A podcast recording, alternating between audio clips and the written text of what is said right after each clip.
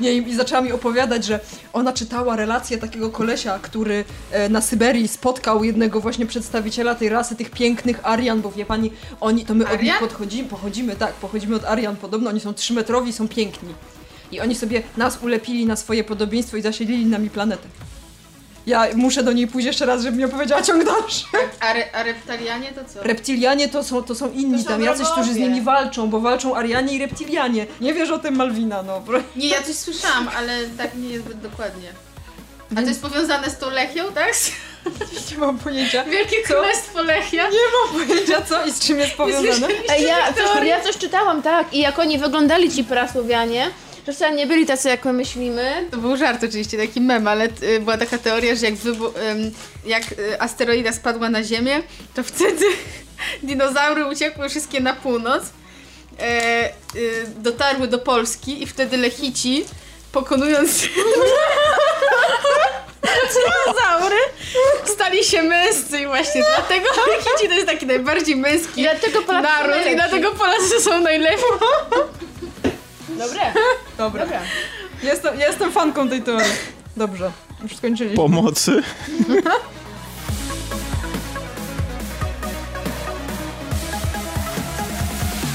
Cześć.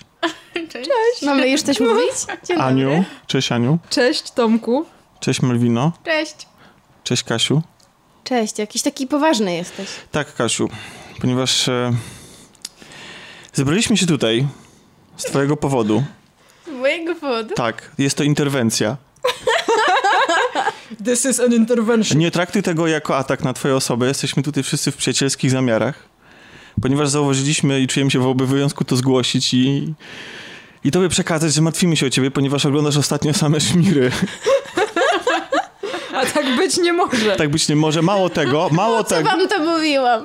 mało tego, jeszcze wciągasz w to innych, między innymi, Tak. między innymi mnie. Zgadza się. Chcia, chciałem pójść... Zbrodnia. Chciałem, ja może się najpierw powiem, dlaczego wpadłem na pomysł interwencji, bo najpierw chciałem pójść na czerwonego żółwia, a Kasia powiedziała, nie, chodźmy na Transformersy. I to jest, Nieprawda! Nie? Ale nie. Ja nawet powiedziałem, że jak Przez mojego kota, bo długo było weterynarza i nie zdążyliśmy na żółwia. Ale to patrzcie, przez kota nie było winny żółwia. się tłumaczy, proszę Ale bardzo. nigdzie w mieście już nie było y, żółwia, tak? O 22 były tylko, tra- tylko Transformersy, no. Tak, dlatego przygotowaliśmy dla ciebie zestaw terapii, ale żeby przejść terapię, to musisz najpierw e, wy, Wyrzucić siebie. wyrzucić siebie, tak. Przyznać się do tego, że jesteś uzależniona od, od kiepskiego kina. Nie, nie, to znaczy już mam dość, naprawdę. Po trzech dniach pod rząd, czy czterech, mam już bardzo dość i potrzebuję obejrzeć coś dobrego. No to super, to może dzisiaj akurat znajdziesz jakąś inspirację. Ale zaczniemy może od wyrzucenia tego, co? Tych śmieci z głowy. Dobra. Dobra. Chronologicznie? Tak. Co było pierwsze? Byliśmy najpierw na tożsamości zdrajcy. Ale tym razem to nie był tylko mój pomysł, więc żeby nie no było dobra. na mnie. No bo, bo chcieliśmy iść na Willisa, Bruce'a nowego, ale... A, Ale. ale. Ale Bruce Willis ma podobną ocenę jak tożsamość zdrajcy, więc chyba wyszłoby na to samo. Dobrze. To samo zdrajcy, czyli y, pani... Y, Czy coś jak tożsamość Berna, ale z kobietą w roli głównej. Tak. I to właściwie prawie dosłownie. Główna bohaterka jest byłą agentką CIA, która obecnie działa pod przykryciem dla angielskich służb i tropi terrorystów, pracując w Urzędzie do Spraw Imigrantów. A aktorka pochodzi ze Szwecji, nie wiem jak czyta się jej nazwisko. Naomi Rap, Rapace? Rapace? Nie mam pojęcia, No szczerze ta- mówiąc. ta Czy las- Ktoś was słyszał? No i Ta z? Prometeusza. No jasne, że Prometeusza. Prometeusza Ale nie, czy ktoś... gwiazda tak, obecnie. ale czy ktoś z was słyszał jej nazwisko? No ja o niej pierwszej usłyszałam Ja- przy ja nie okazji e, słyszałam. Millennium, Ja prawda? jestem z nią na ty, wiesz, i... Ja nie słyszałam, jak ktoś wymawia jej nazwisko, więc nie, nie ten. Ale w Millennium chyba wypłynęła. No i tutaj e, właściwie jedyną innowacyjną rzeczą w tym filmie jest to, że główną rolę gra kobieta. Tak naprawdę wszystko Co? inne to klisza, klisza, Nie, klisza, to, on, klisza. to fakt, że ona jest kobietą w ogóle w żaden sposób nawet w tym filmie nie jest podkreślone. To jest po prostu równie dobrze mógłby być kto tam, ktokolwiek inny. Co z jednej strony jest spoko. To jest taki film B-klasowy, po prostu, e, z ze scenariuszem, który się na siłę napina i chce nas zaskakiwać co chwila jakimiś zwrotami, ak- zwr- zwrotami, a- zwrotami akcji. Ja jeszcze dokończę opis fabuły tylko. Tak, ale to nie jest takie tak. istotne. No więc na, nasza, nasza pracująca pod przykryciem w Londynie agentka zostaje nagle wezwana przez CIA i poproszona o to, no czy właściwie zlecone, nie, nie, to prośba, no w każdym razie zlecone jest jej super szybkie przesłuchanie człowieka, który jest e, posądzany o to, że współpracuje z terrorystami. I po przybyciu na miejsce, bo ona jest specjalistką od, od y, przesłuchań. Po Od przyby- łamania Tak, w sposób psychologiczny tak, e, y, przesłuchanych. Przes, przes, przesłuchanych. E, dociera na miejsce, zaczyna go przesłuchiwać i w trakcie tego przesłuchania się okazuje, że jest y, jakiś kret w agencji i że właściwie cała sytuacja wydaje się być troszeczkę szemrana i ustawiona i ona nagle z człowieka agencji staje się tak jak Born trochę, No właśnie takim trochę na celowniku, tak, u celowniku takim rogue. E, E, człowiekiem, którego ścigają wszyscy nagle, a ona musi sama udowodnić swoją niewinność, znaleźć winowajców, ro, zapobiec kolejnemu atakowi I co terrorystycznemu. jest ciekawe, to jest naprawdę taki typowy film telewizyjny. Nie wiem w ogóle, dlaczego on znalazł się w kinie, ale oprócz tej aktorki, o której wspomnieliśmy, jeszcze tam występuje Michael Douglas, Tony Kto tam nie Collette występuje w ogóle? i John Malkovich, więc Ale naprawdę... no- Orlando Bloom. I I Orlando, Orlando Bloom. Bloom. Właśnie, Tak. więc tak naprawdę znani hollywoodzcy aktorzy, to ma chyba przyciągnąć właśnie widzów do kin, bo Film, który na pierwszy rzut oka zapowiada się bardzo fajnie, a potem w trakcie jak go oglądasz, to on się, on się bardzo stara, bardzo stara się być zaskakujący, yy, na przykład wprowadza postaci i ty myślisz, że ta postać będzie już z nami do końca filmu, a tymczasem się okazuje po 10 minutach, że ona odpada, albo typujesz kogoś na złego, a się okazuje, że on wcale nie był taki zły. Tylko problem z tym filmem jest taki, że on po pierwsze jest to jest thriller bez mało, z bardzo małą ilością akcji i ta część thrillerowa nie jest aż tak bardzo, wiesz, nie trzyma cię tak bardzo w napięciu, nie, nie wciąga, a to głównie dlatego, że oprócz tego, że on próbuje być zaskakujący, to niestety jest kliszą wielu filmów, które widzieliśmy do tej pory, typu Born nie jest absolutnie zaskakujący. i jest, jest to taki Born pozbawiony energii po prostu. Taki, taki wolniejszy, spokojniejszy na mniejszą skalę, a do tego robił jedną rzecz, bo to jest miks Borna i jednej pewnej jednego, e, jednej pewnej serii też szpiegowskiej, ale nie chcę zdradzać której, żeby nie było, że walnę teraz jakimś spoilerem, ponieważ ten film robi rzecz moim zdaniem skandaliczną. Żywcem zżyna z jednej z, tej, z części tego cyklu. Po prostu zwrot akcji, który ma, być, który ma być dla nas mega zaskoczeniem, który ma po prostu zrobić, jak oni to zrobili, jak ktoś mógł to przewidzieć i w ogóle, i żebyśmy byli w szoku.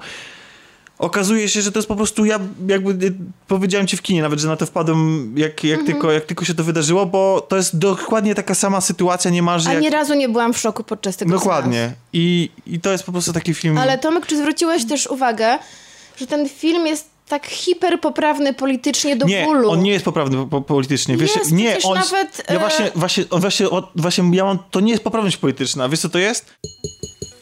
W tym momencie, aby uzasadnić naszą ocenę, musieliśmy niestety zdradzić trochę z fabuły filmu. Nie jest to nic y, bardzo szczegółowego, ale niektórzy z Was mogą poczuć się, że zdradziliśmy odrobinę za dużo, zwłaszcza, że film, przynajmniej w teorii, jest oparty na twistach. Dlatego jeśli nie chcecie nic więcej wiedzieć na temat y, samej historii w filmie, to przywincie proszę jakieś, myślę, dwie minuty do przodu. Tutaj e, nawet terroryści są przedstawieni, czy terroryści, potencjalni terroryści są, są tak jak naprawdę wybieleni, są przedstawieni jako pozytywni, niewinni bohaterowie. Tak, to więc ten film robi coś, coś takiego.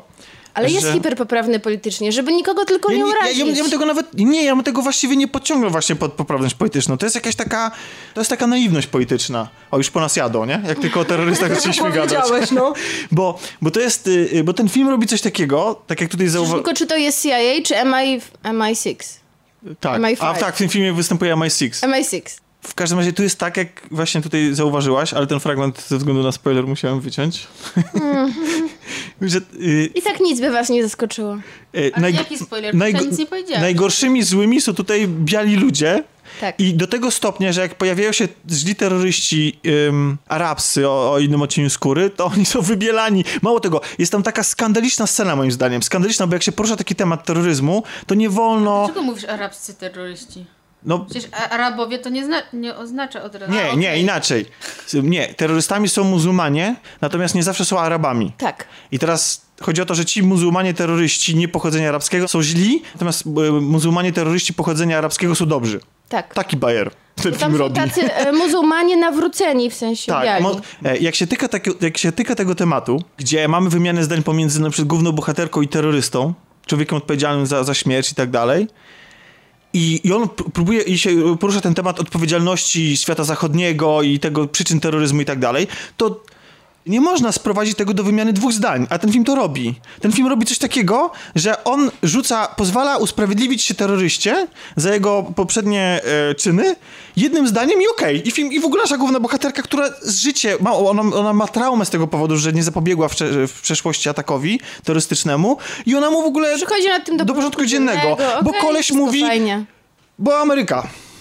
Okej, i to jest, to, jest koniec, to jest koniec dyskusji o terroryzmie, koniec w tym filmie. Po prostu to, to jest, to, to jest Gdzie się akcja rozgrywa? w, Londy- w Londyn. Europie, w Europie, ale głównie w Londyn Londynie. i potem się przenosi. I, I to jest absurd totalny, nie? Po prostu spłaszczenie problematyki do, do jakiejś takiej zabawki, e, tylko tyle, że film się właśnie w jakichś tam w pewnych momentach, nie wiem, no napina i przemyca nam tutaj jakbyś podświ- podświadomie właśnie te, te, te sprawy dotyczące tego, kto jest dobry, a kto jest zły i, i dlaczego nie powinniśmy Ale być... poza, myślę, że poza tymi wszystkimi zarzutami naszymi i światopoglądowymi i, i tymi, że jest tak naprawdę niezaskakujący i właśnie taki beklasowy, to jest zrealizowany sprawnie, okej. Jak przeglądałam sobie filmografię tego Mając reżysera... taką, taką plejadę E, to jest taki typowo hollywoodzki rzemieślnik. On zrobił tam trochę seriali, trochę filmów, wszystkie były okej i, i ten film też jest taki po prostu okej. I mam wrażenie, że tylko John Malkovich puszcza tak trochę oko do widza. E, w sensie on nie jest do końca, mam wrażenie, poważny Ja w tej roli. Ja mam wrażenie, że on, że on w ogóle os- ostatnio sprawia wrażenie, jakby po prostu przyjechał sobie na plan i... Eee, Ale wiecie wiecie, co? jestem John Malkowicz, sobie pyknę tą on, rurkę, nie? on gra w takim kiepskim filmie i jako jedyny tak jakby pokazuje to widzowi, a wszyscy inni biorą to bardzo śmiertelnie, poważnie i, i właśnie Jak tak ci jak się Orlando powiedziałeś, Bloom jest, tak, jest taka spinka w tym. Orlando Bloom mówi takim koknejem, e, co Już brzmi, zapytać, czy miał taką rolę jak w helikopterze w ogniu. e, co brzmi dość e, nierealistycznie. Gdzie na początku umarł. No. Nie umarł, ale uszkodził Mimo, że. Orlando jest Co to za pochodzenia- mężczyzna? Pokaż, też chcę zobaczyć. Orlando. Pokazuje, jak Orlando wygląda w tym filmie. Tak, drodzy słuchacze, teraz dziewczę, dziewczęta przekazują sobie z rąk Jakiego- do rąk te, telefon z on jest pochodzenia? JPG Orlando Tatuaż Bluma. ma- Czy on jest, Brytyj, on jest Brytyjczykiem? Nie wiem, tatuaże z gumy ma. y, Ale słuchajcie, Brawo! nie no, ale Brawo. mówi tutaj koknejem i udaje takiego wow, wow, k- Łaławiła. A, tak, hej do Nie no. przodu. Nie, ła, ła, I to trochę nie pasuje. No. Darling. Nie pasuje mi to, mu Tak, to komplet. do każdego zdania dorzuca darling. Honey czy darling? Może honey. Przepraszam, No ale, Orlando, Cockney, to wiecie, udaje takiego statama trochę, no.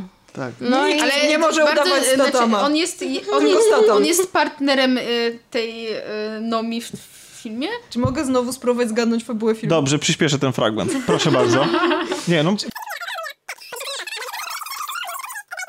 Nie spodziewałabym się. Cudownie, cudownie. A- Już nie muszę oglądać. wy- On wygląda, ona wygląda jakby była bardziej męska w tym filmie od niego. to prawda, bo ona jest tutaj bardzo męska. Znaczy, bo ona ma taki To typ się urody, zdarza. jest taką twardą kobietą. Tak jest ubrana też. Ja ją Tak, bardzo lubię. tak. No wiesz, Ja agentka, no musi być. Hello. Ale. Znaczy mi się, mi, mi się na przykład ona jako Znaczy aktorka ja, podoba. e? Dla mnie jest bardziej wiarygodne, jeśli agentka biega w wygodnej bluzie i płaszczu czarnym, a nie na obcasach i w białej koszuli. E, I w marynarce, jak to czasem agentki mają zwyczaj Chyba, że biegać. pracuje w administracji w agencji. To wtedy No nie ale jak biega. musi biegać? Chyba, że z papierami. Od ksero do ksero.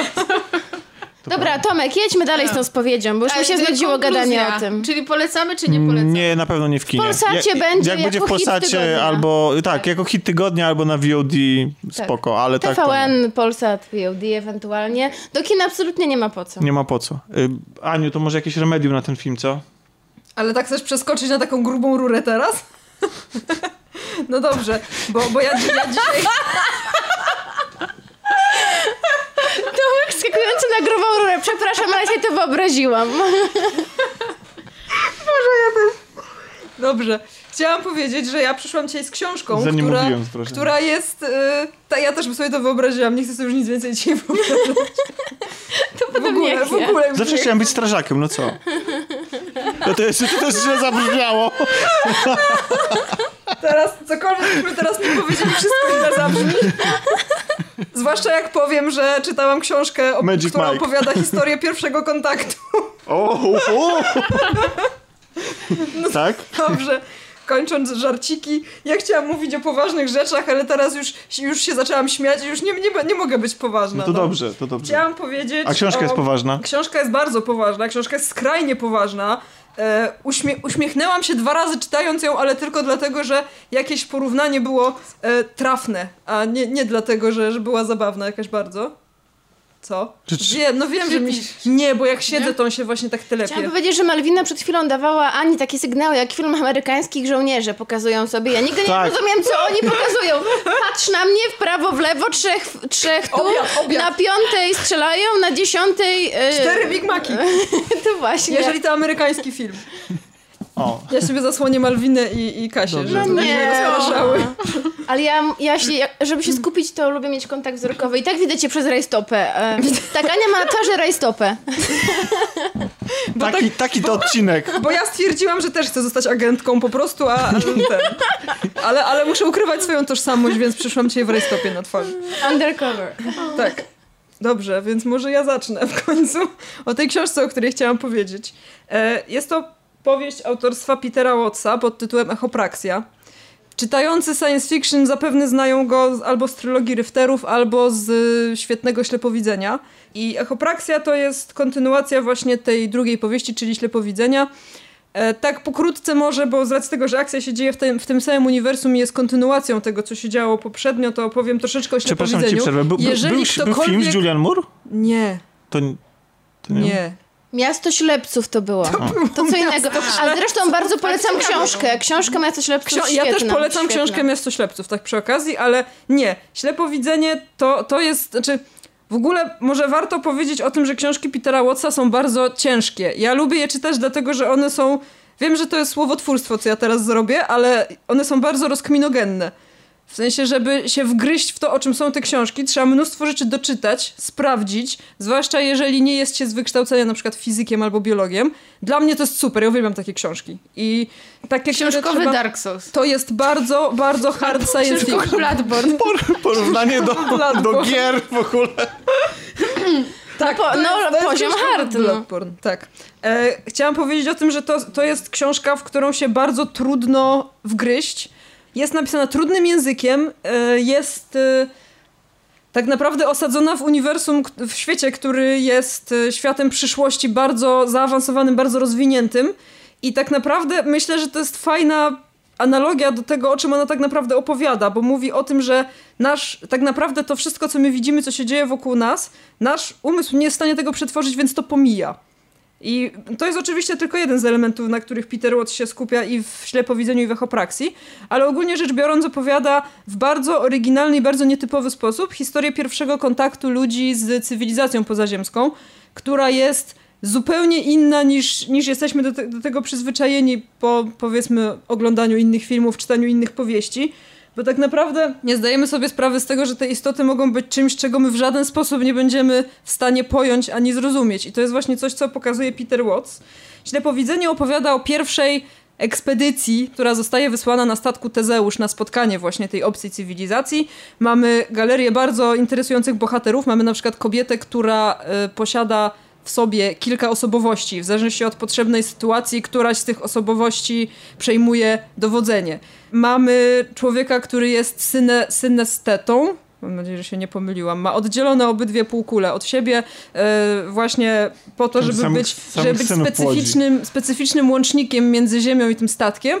To też, A też trudno kiedyś jest... taki odcinek Star Treka, że, że ten, o Jezu, jak to się ten teleportator, ta maszyna, która teleportuje ludzi, Teleporter. rozszczepiał, rozszczepiał e, Tak. człowieka na dwie różne osobowości. Tak, było, było Ale poczekaj, bo mówiłaś teraz No, o ślepowidzeniu, czy o Teraz mówiłam o ślepowidzeniu. Ślepowidzeniu. E, tak, na początek ślepowidzenie, bo to jest jakby osadzenie całej, całej tej fabuły. E, I tak Ale to naprawdę... nie jest tak, że to są tomy kolejne, czy... Znaczy tak, czy... e, ślepowidzenie jest osobną, zamkniętą historią, w której bardzo dużo trzeba się domyślać, czyli taką jak ja lubię. Nic ci nie podaje wprost. Bardzo dużo trzeba tam wyczytać. Ona jest bardzo, jest bardzo specyficzna i to też w jaki sposób jest napisana bardzo sprawia, że bardzo łatwo jest się od niej odbić, tak po prostu. Ja miałam takie samo doświadczenie z Dukajem, jak zasiadałam do czytania lodu. Lud też jest napisany w taki bardzo specyficzny sposób, ale z kolei jak już się wkręciłam i przestawiłam na ten sposób narracji, to się nie mogłam oderwać na przykład do tej książki. I właśnie ze ślepowidzeniem i echopraksją jest podobnie. Tak samo zresztą z e, trylogią Ryfterów, którą też napisał Peter Watts, to tak, żeby nie przedłużać, to jest historia e, o ludziach, którzy są genetycznie przystosowani do życia pod wodą. Też trzy tomy, świetna historia. Ona nie jest jeszcze aż tak hardkorowa jak ślepowidzenie czy echopraksja, ale już widać te zaczątki takiego odjazdu, że tak powiem, takiej technogatki troszeczkę. A I moim zdaniem właśnie, ale echopraksja, tak. E, Mnie, ale ta, mnie ta hardkorowość trochę, no może odstrasza. powiem ci tak. Łukasia e, woli takie historie w stylu Transformersu. Jeżeli...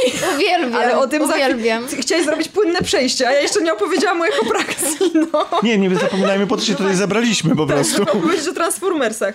Więc e, Może po, nie, nie będzie- opowiesz może coś o tej Ale po prostu cywilizacji e, boję się, że się zniechęcę, spoiler. jak nie będę Wiesz mogła co? się właśnie wgryźć. Powiem ci tak, Peter Watts zrobił to bardzo sprytnie, bo on mimo tego, że pisze, w, e, że używa bardzo trudnego języka, a jeszcze jedna ważna rzecz, przekład jest świetny. Człowiekowi, który to tłumaczył, zaraz sprawdzę, kto to tłumaczył, bo wiem, że szukałam specjalnie w internecie, co jeszcze ten człowiek tłumaczył. Wojciech Pruchniewicz. Panie Wojciechu, jeżeli pan Okejka tego od słucha, Ani. jestem pana fanką. Dziękuję. To, że warstwa językowa jest trudna, ale galeria bohaterów jest tak ciekawa. Dla mnie na przykład to jest tak, ja nie znoszę wampirów. Absolutnie, po prostu y, zostałam tak spaczona przez to wszystko, w jaki sposób wampiry są pokazywane w telewizji No właśnie, bo tutaj na okładce widzę, że to jest, A się zastanawiam, tutaj- czy to jest wampir, czy jakiś Tak, zombie. to jest wampir. Tutaj są wampiry i właśnie w ślepowidzeniu i w echopraksji e, wampiry są członkami załogi. E, trochę O. już zdradziłam fabułę, ale tak, w, w ślepowidzeniu... Super pomysł. W ślepowidzeniu e, Nie no, wampir bardzo jest... tandetnie. Ale słuchajcie, nie, bo chodzi Ale o to, że zgodnie, zgodnie z tym uniwersum wampiry są istotami człowiekokształtnymi, które żyły w pleistocenie, były drapieżnikami i żywiły się ludźmi i innymi zwierzętami, po prostu polowały na ludzi. I to jest też fajnie wytłumaczone, skąd się wzięły na przykład takie legendy, którymi ludzie nawzajem się straszyli, że przyjdzie potwór i cię zje. Tak, no nie chcę za dużo opowiadać, ale na przykład bardzo fajnie biologicznie wytłumaczone jest, dlaczego y, wampiry reagują w taki sposób, w jaki reagują na krzyże, bo mają tak zwaną skazę krzyżową, która sprawia, że nie mogą patrzeć na proste kąty. Ja myślę, że by się ale taki- to jakiś nie dramat, mogłyby nie? żyć w modernistycznych No właśnie. mieszkaniach. Znaczy wiesz, w Pleistocenie podejrzewam, że nie było z tym problemu. Tam później jest kwestia tego, że oni zażywają jakieś inhibitory, które im pomagają sobie jakoś z tym radzić, ale mają ponadprzeciętną inteligencję i zupełnie inaczej myślą niż ludzie i dlatego Ale są w pewnym stopniu... jest? E, Jest też powiedziane o tym, że są nadwrażliwi na światło. No, generalnie dużo jest o tym, kim oni są, w jaki sposób oni żyją z ludźmi, bo też prawda jest taka, że to człowiek właśnie ich powołał z powrotem do życia. O czosnku nic nie jest wspomniane. Za, zawsze, Peter zawsze jak się próbuje wytłumaczyć logicznie e, wampiry na jakiś sposób nowoczesny, to się pomija jakiś jeden aspekt. Albo po to, żeby, żeby ci pasowało do wszystkiego. No bo w Blade'zie na przykład, w Blade'zie na przykład nie ma aspektu religijnego, o ile dobrze pamiętam, nie? W ogóle. Gdzie, gdzie? Ale to bardzo, e, to bardzo No, ciekawe, że tak. wspominasz Blade'a, bo będę chciała o nim też dzisiaj wspomnieć. To jest jakie, no tak Kasiu, tak, wyrzuć to z siebie. Damy ci Dobrze, naprawdę to dać, ja, dać to ja upust szybko skończę. wszystkiemu. Ja szybko skończę w takim Ale razie. powiem tylko Ani, że... E, Nie, albo mnie ten- zachęcasz. Ten wampir e, pojawiający się w tematyce science fiction skojarzył mi się, tu znowu mm, Malwina pierwsza powiedziała o grze, e, skojarzył mi się z Shadowrunem, nie pamiętam którą częścią, wydaje mi się, że Hongkong, tam też pojawia się wampir, który, no są to gry cyberpunkowe, czyli też jest motyw science fiction i nagle pojawia się wampir, e, Znaczy, bo, też jest... bo, e, bo cały, cały świat Shadowruna jest oparty o papierowe RPG i które właśnie zakładało połączenie cyberpunku ze światem fantazy. Tam się przebudziły smoki, magia się przebudziła, więc tam masz normalnie krasnoludów i tak dalej, wszystkie fantazyjne istoty w świecie cyberpunku. W Także ślepowidzeniu nie obudziła się magia. nie obudziła się magia. Nie obudziła się A co magia. się obudziło? Że, Ale się, właśnie- że, że uderzyło w wentylator Może, i... może ja, ja w końcu opowiem o tym, bo cały czas coś. Historia tak naprawdę jest, jest dość ciekawa, bo w pewnym momencie ludzie, którzy w ogóle nie byli przygotowani na to, że pojawią się jakieś obce istoty, byli świadkami takiego ciekawego zdarzenia, bo pojawiły się jakieś dziwne obiekty e, w jakiejś odległości od Ziemi, coś błysnęło i odleciały. I było wrażenie, że po prostu ktoś To przyleciał, zrobił ziemi, zrobił ziemi zdjęcie i odleciał. No i potem nic się nie działo. No i nic się nie działo i ludzie zaczęli wpadać w panikę, bo skoro nic się nie dzieje, to znaczy pewnie, że się zbroją. W związku z czym wybudowano właśnie ten statek Tezeusza, który w ślepowidzeniu zostaje wysłany gdzieś, gdzieś na spotkanie z nieznanym. No i właśnie e, załoga tego statku, między innymi wampir, który jest kapitanem, dowódcą całej tej, tej wyprawy, mają tam po drodze różne przygody, e, starają się zrozumieć to, co widzą, bo te istoty, które spotykają, ja mówiłam, że e, wydaje mi się, że Arrival bardzo e, dużo czerpał ze ślepowidzenia, no właśnie tak brzmi trochę jak E, Arrival, tak, zwłaszcza jeśli chodzi o to, w jaki sposób te istoty porozumiewają się z ludźmi. Nie będę mówić w szczegółach, ale to też jest jakiś tam sposób w pewnym stopniu graficzny. No i echopraksja to jest historia, która dzieje się już po tej wyprawie Tezeusza, bo jest cały czas o tym mowa i na początku nie wiadomo tak naprawdę w jaki sposób te dwie powieści są ze sobą powiązane, poza tym, że się dzieją w tym samym gdzieś tam uniwersum i jedna po drugiej. Ale gdzieś tak mniej więcej w połowie historii okazuje się, jakie są powiązania między bohaterami, co tak naprawdę się stało z Tezeuszem. Pojawiają się właśnie jakieś takie wspomnienia bardzo wprost związane z tym, co się działo na tym statku, czego na przykład nie dowiedzieliśmy się ze ślepowidzenia. Głównym bohaterem echopraksji jest Daniel Brooks, który jest biologiem. Tak naprawdę już nie jest potrzebny na Ziemi, ale on jako ma tak zwana... Nie ma super zdolności, jest po prostu biologiem. Jest to jest ciekawe, bo wszyscy ludzie, właśnie on jest nazywany zwyklakiem, bo wszyscy ludzie w tych czasach mają jakieś wszczepki, mają jakieś ulepszenia, jak w Deus Exie po prostu. A on jest taki po prostu normalny i zaczyna się Chociaż cała pije historia od tego, nawet nie. Jest, jest zbyt normalny na to, żeby pić. Historia zaczyna się tak, że on siedzi na jakiejś pustyni, bada jakieś zwierzątka i zostaje przez zupełny przypadek wplątany w serię jakichś nie, niefortunnych zdarzeń, w wyniku których zupełnym przypadkiem z klasztorem tak zwanych dwuizbowców, którzy są jednym kolektywnym umysłem, ląduje w kosmosie. Jeżeli to was nie zachęciło, to ja nie wiem, co was zachęci. A czy kapitanem jest wampir dlatego, że w kosmosie nie ma dnia i nie, Nie, musi to jest, spać i on e, cały czas jest kapitanem? Nie, to jest kwestia tego, że wampiry są o wiele lepszymi strategami i mają O. o wiele lepsze umiejętności analityczne niż ludzie właśnie dlatego, że są drapieżnikami. To jeszcze właśnie w ślepowidzeniu jest powiedziane, ale już w drugiej części właśnie w echopraksji wampir nie jest kapitanem.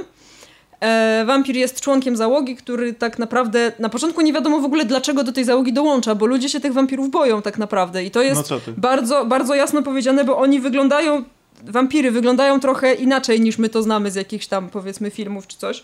Są, są troszeczkę smuklej zbudowani i tak, tr- tak y, mają tej zęby trochę takie straszne. Aniu, A czy czy, ktoś... e, A czemu chciałam zapytać?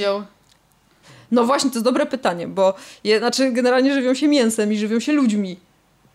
I jest taki cały czas moment właśnie strachu, czy ten wampir, który leci z tymi ludźmi na tym statku w echopraksji, to się zaraz na kogoś nie rzuci.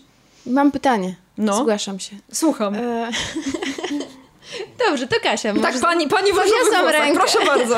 E, czy w takim razie trzeba najpierw przeczytać ślepowidzenie? No właśnie chciałem to samo zadać. Dobrze jest najpierw E, a przeczytać potem echopraksję? Czy jeśli wzięłabym tę książkę, to wiedziałabym o co chodzi? E, Myślę, że można je traktować jako dwie odrębne historie, ale wydaje mi się, że ślepowidzenie jest dobrą bazą do tego, bo tutaj e, są rzucone na przykład jakieś nawiązania do tego, jak wyglądała ta ekipa, która tam podróżowała, ale tak naprawdę to wydaje mi się, że warto jest przeczytać pierwszą część, choćby dlatego, żeby mieć bazę pod to, co się dzieje w echopraksji. Bo to są zupełnie dwie różne ekipy, dwie różne historie i dwie różne przygody, przy, przygody, które się kręcą wokół tego samego, czyli tej cywilizacji owej tajemniczej, która gdzieś tam jest nazywana aniołami z asteroid. Brzmi jak połączenie Star Treka, Arrival i Zmierzchu. Ale I, w sumie I kontaktu. Ale w sumie kontaktu. Znaczy nie, to, to żeby, ale ważne jest to, bo, bo No ważne to jest, żebyś to jest książka, mikrofonu. od której tak, ona z jednej strony naprawdę daje do myślenia, bo jest tam bardzo dużo nawiązań do religii, do tego jak ludzie postrzegali religię, jak się zmieniało postrzeganie religii przez lata, jak ludzie postrzegają samych siebie, jak postrzegają ludzkość, jak postrzegają obce cywilizacje i czy to się zmienia na przestrzeni lat, czy nie, jak, jak ewoluuje to ich podejście do, do obcego, do nieznanego i do tego, czego się boją. Bardzo mi się podoba właśnie historia, która jest opowiedziana, ja sobie ją zaznaczyłam, ale widzę, że wypadła mi zakładka z tego miejsca, e, która tłumaczy tak naprawdę skąd się wzięła religia. Że kiedyś sobie siedziała trójka osób przy ognisku i gdzieś tam usłyszeli, że coś się dzieje w krzakach. E, Pomyśleli, jeden pomyślał, że to tygrys, zwiał, okazało się, że to nie był tygrys e, i go wyśmiali, że jest tchórzem. Drugi pomyślał, że to na pewno nie jest tygrys, został, był tam tygrys i go zeżarł. Tak? E, I że. Ja nie, nie pamiętam tego dokładnie, więc nie, nie będę tego przytaczać, ale właśnie historia pokazuje, że Bóg i w ogóle religia to jest coś takiego mitycznego, co, co, czego my się tam gdzieś boimy, co siedzi w tych krzakach, ale czego nikt nigdy tak naprawdę nie widział. I nie wiadomo, czy my zostaniemy nazwani tchórzami, bo boimy się czegoś, czego nie ma, czy się nagle z nienacka okaże, że jednak coś tam jest. Książka porusza dość e, trudne tematy, nie robi w tego w żaden na przykład obrazoburczy sposób. Po prostu zadaje trudne pytania i próbuje w jakiś sposób na nie No, odpowiedzieć. czyli coś, co, do czego stworzone zostały y, powieści science fiction, Tak, prawda? nie ma tutaj co prawda zagadnień na przykład związanych ze sztuczną inteligencją, raczej właśnie z ulepszeniami, Super. Z, raczej właśnie z ulepszeniami y, ludzi i W z końcu. obcą W cywilizacją, końcu więc można y, od tego odpocząć. ja ze swojej strony polecam, bo Peter Watts to jest jeden z moich ulubionych autorów i Ślepowidzenie i Echopraksja to jest, w zasadzie mogę traktować jako całość. To jest, to są powiedzmy dwie z moich takich naprawdę najulubieńszych powieści science fiction też dlatego, że musiałam dużo czasu poświęcić, żeby je tak w 100% ogarnąć umysłem. Aniu, mnie absolutnie zachęciłaś i z, Mnie niec- też, z niecierpliwością e, czekam na, Polecam Anna Nowak. na ekranizację. Nie wiem, Tak, czy, właśnie, nie to wiem, czy będzie. super. Y, Podejrzewam, Jak- jak że. film. Znaczy nie, tak, tak no. szczerze mówiąc, to tutaj, bo akcja tutaj jest taka bardzo spokojna, tu nie ma wybuchów jakichś wojen, tu są, tu są rozkminy i to jest takie. E, to Wiesz może bo być ja trudne do ekranizacji. jed- Jedną z moich, y, moich najukochańszych y, książek to jest Solaris. Kil, kil, Ja pomyślałam, jak, jak ty powiedziałaś, to ja pomyślałam dokładnie o Solaris. Solaris. No. I, ja- i, I wracam do niej regularnie. A to się naprawdę rzadko zdarza, bo właściwie jedyne co przeczytałem dwa razy to jest cykl o Wiedźminie. Ja przeczytałam Ślepowidzenie trzy razy, ale to dlatego, że postawiłam sobie za punkt honoru Trzy zrozumieć razy? wszystko, co jest w tej książce. splatynować To było trudno. Splatynować tę książkę. O, tak. jakby, jak, ciekawe, jak, ciekawe jakby, było, jakby były nagrody i, i platyna za przeczytanie, a przecież można wprowadzić, skoro teraz wszyscy czytają na e-booki, prawda? To byłoby ciekawe... Platyna za przeczytanie całej książki. książki, no. I w zależności od tego, ile zrobisz notatek. Ja właśnie y, żałuję, bo ślepowidzenie miałam właśnie w e-booku. Nie mam go w wersji fizycznej i teraz już trudno jest je kupić gdzieś tak na, na szybko w jakiejś normalnej cenie. Ale pamiętam, że robiłam sobie notatki gdzieś tam, właśnie to mi się przydało, bo mogłam sobie dodawać notatki i potem jak chciałam sczytać ile mam notatek, to się okazało, że mam prawie tyle notatek, co, co powieści. Co. Więc- Ale to jest, e, to jest bardzo ciekawe, że e, skoro jest to tak dobra książka, ceniona też, e, to dlaczego nie było do druku? Bo mówisz, że trudno jest zdobyć. Ja myślę, że gdzie, znaczy można zdobyć, tylko na przykład cena okładkowa Echopraxi to jest 45 zł, a ślepowidzenia podobnie, a widziałam na Allegro za 90. Więc Podejrzewam, że to trzeba się wstrzelić w moment po prostu, ale na pewno sobie ją dokupię, żeby ją mieć na półce.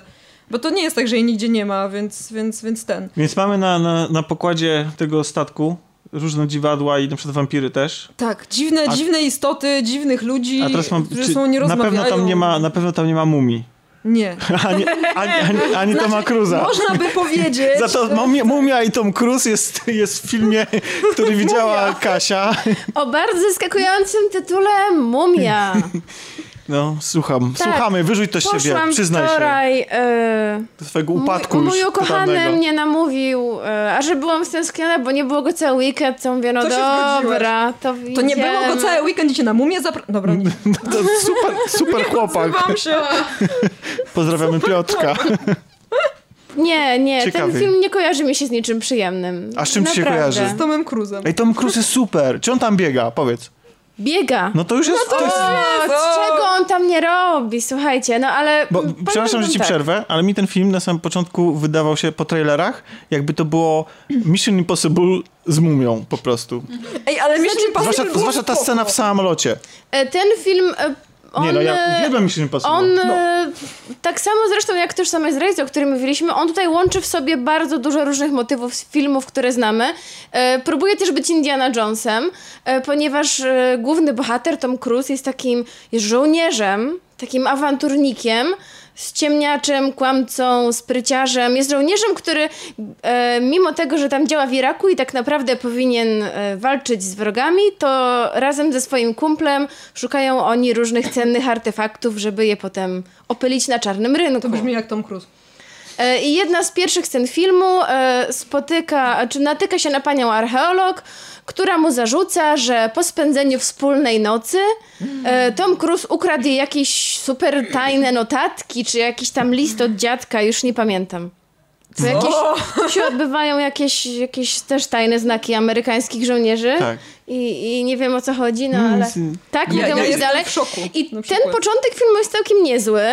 On przypomina tę tę starą mumię, ponieważ wiecie, główni bohaterowie e, zaczynają się sprzeczać. E, w to się włącza element takiej anegdoty, że ona twierdzi, że. wiecie, zaczynają się kłócić i próbuje się między wytworzyć między nimi jakaś chemia. Ale tylko próbuje.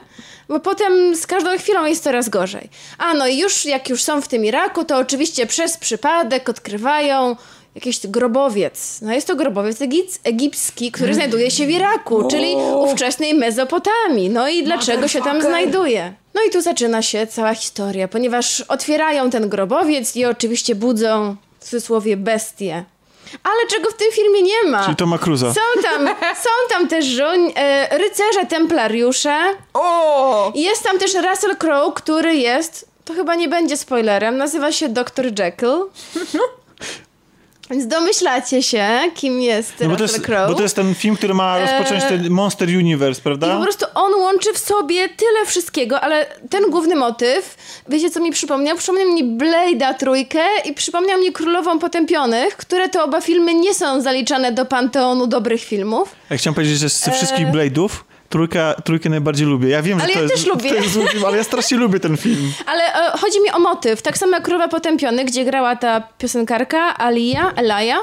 E, To, bo, zginęła Bo jakaś tak, jakaś starożytna bestia z, o nadprzyrodzonych zdolnościach trafia do naszej cywilizacji, w tym uderzyłam w, przepraszam, mikrofon, trafia do naszej cywilizacji, e, tutaj chyba też znowu Londyn się pojawia.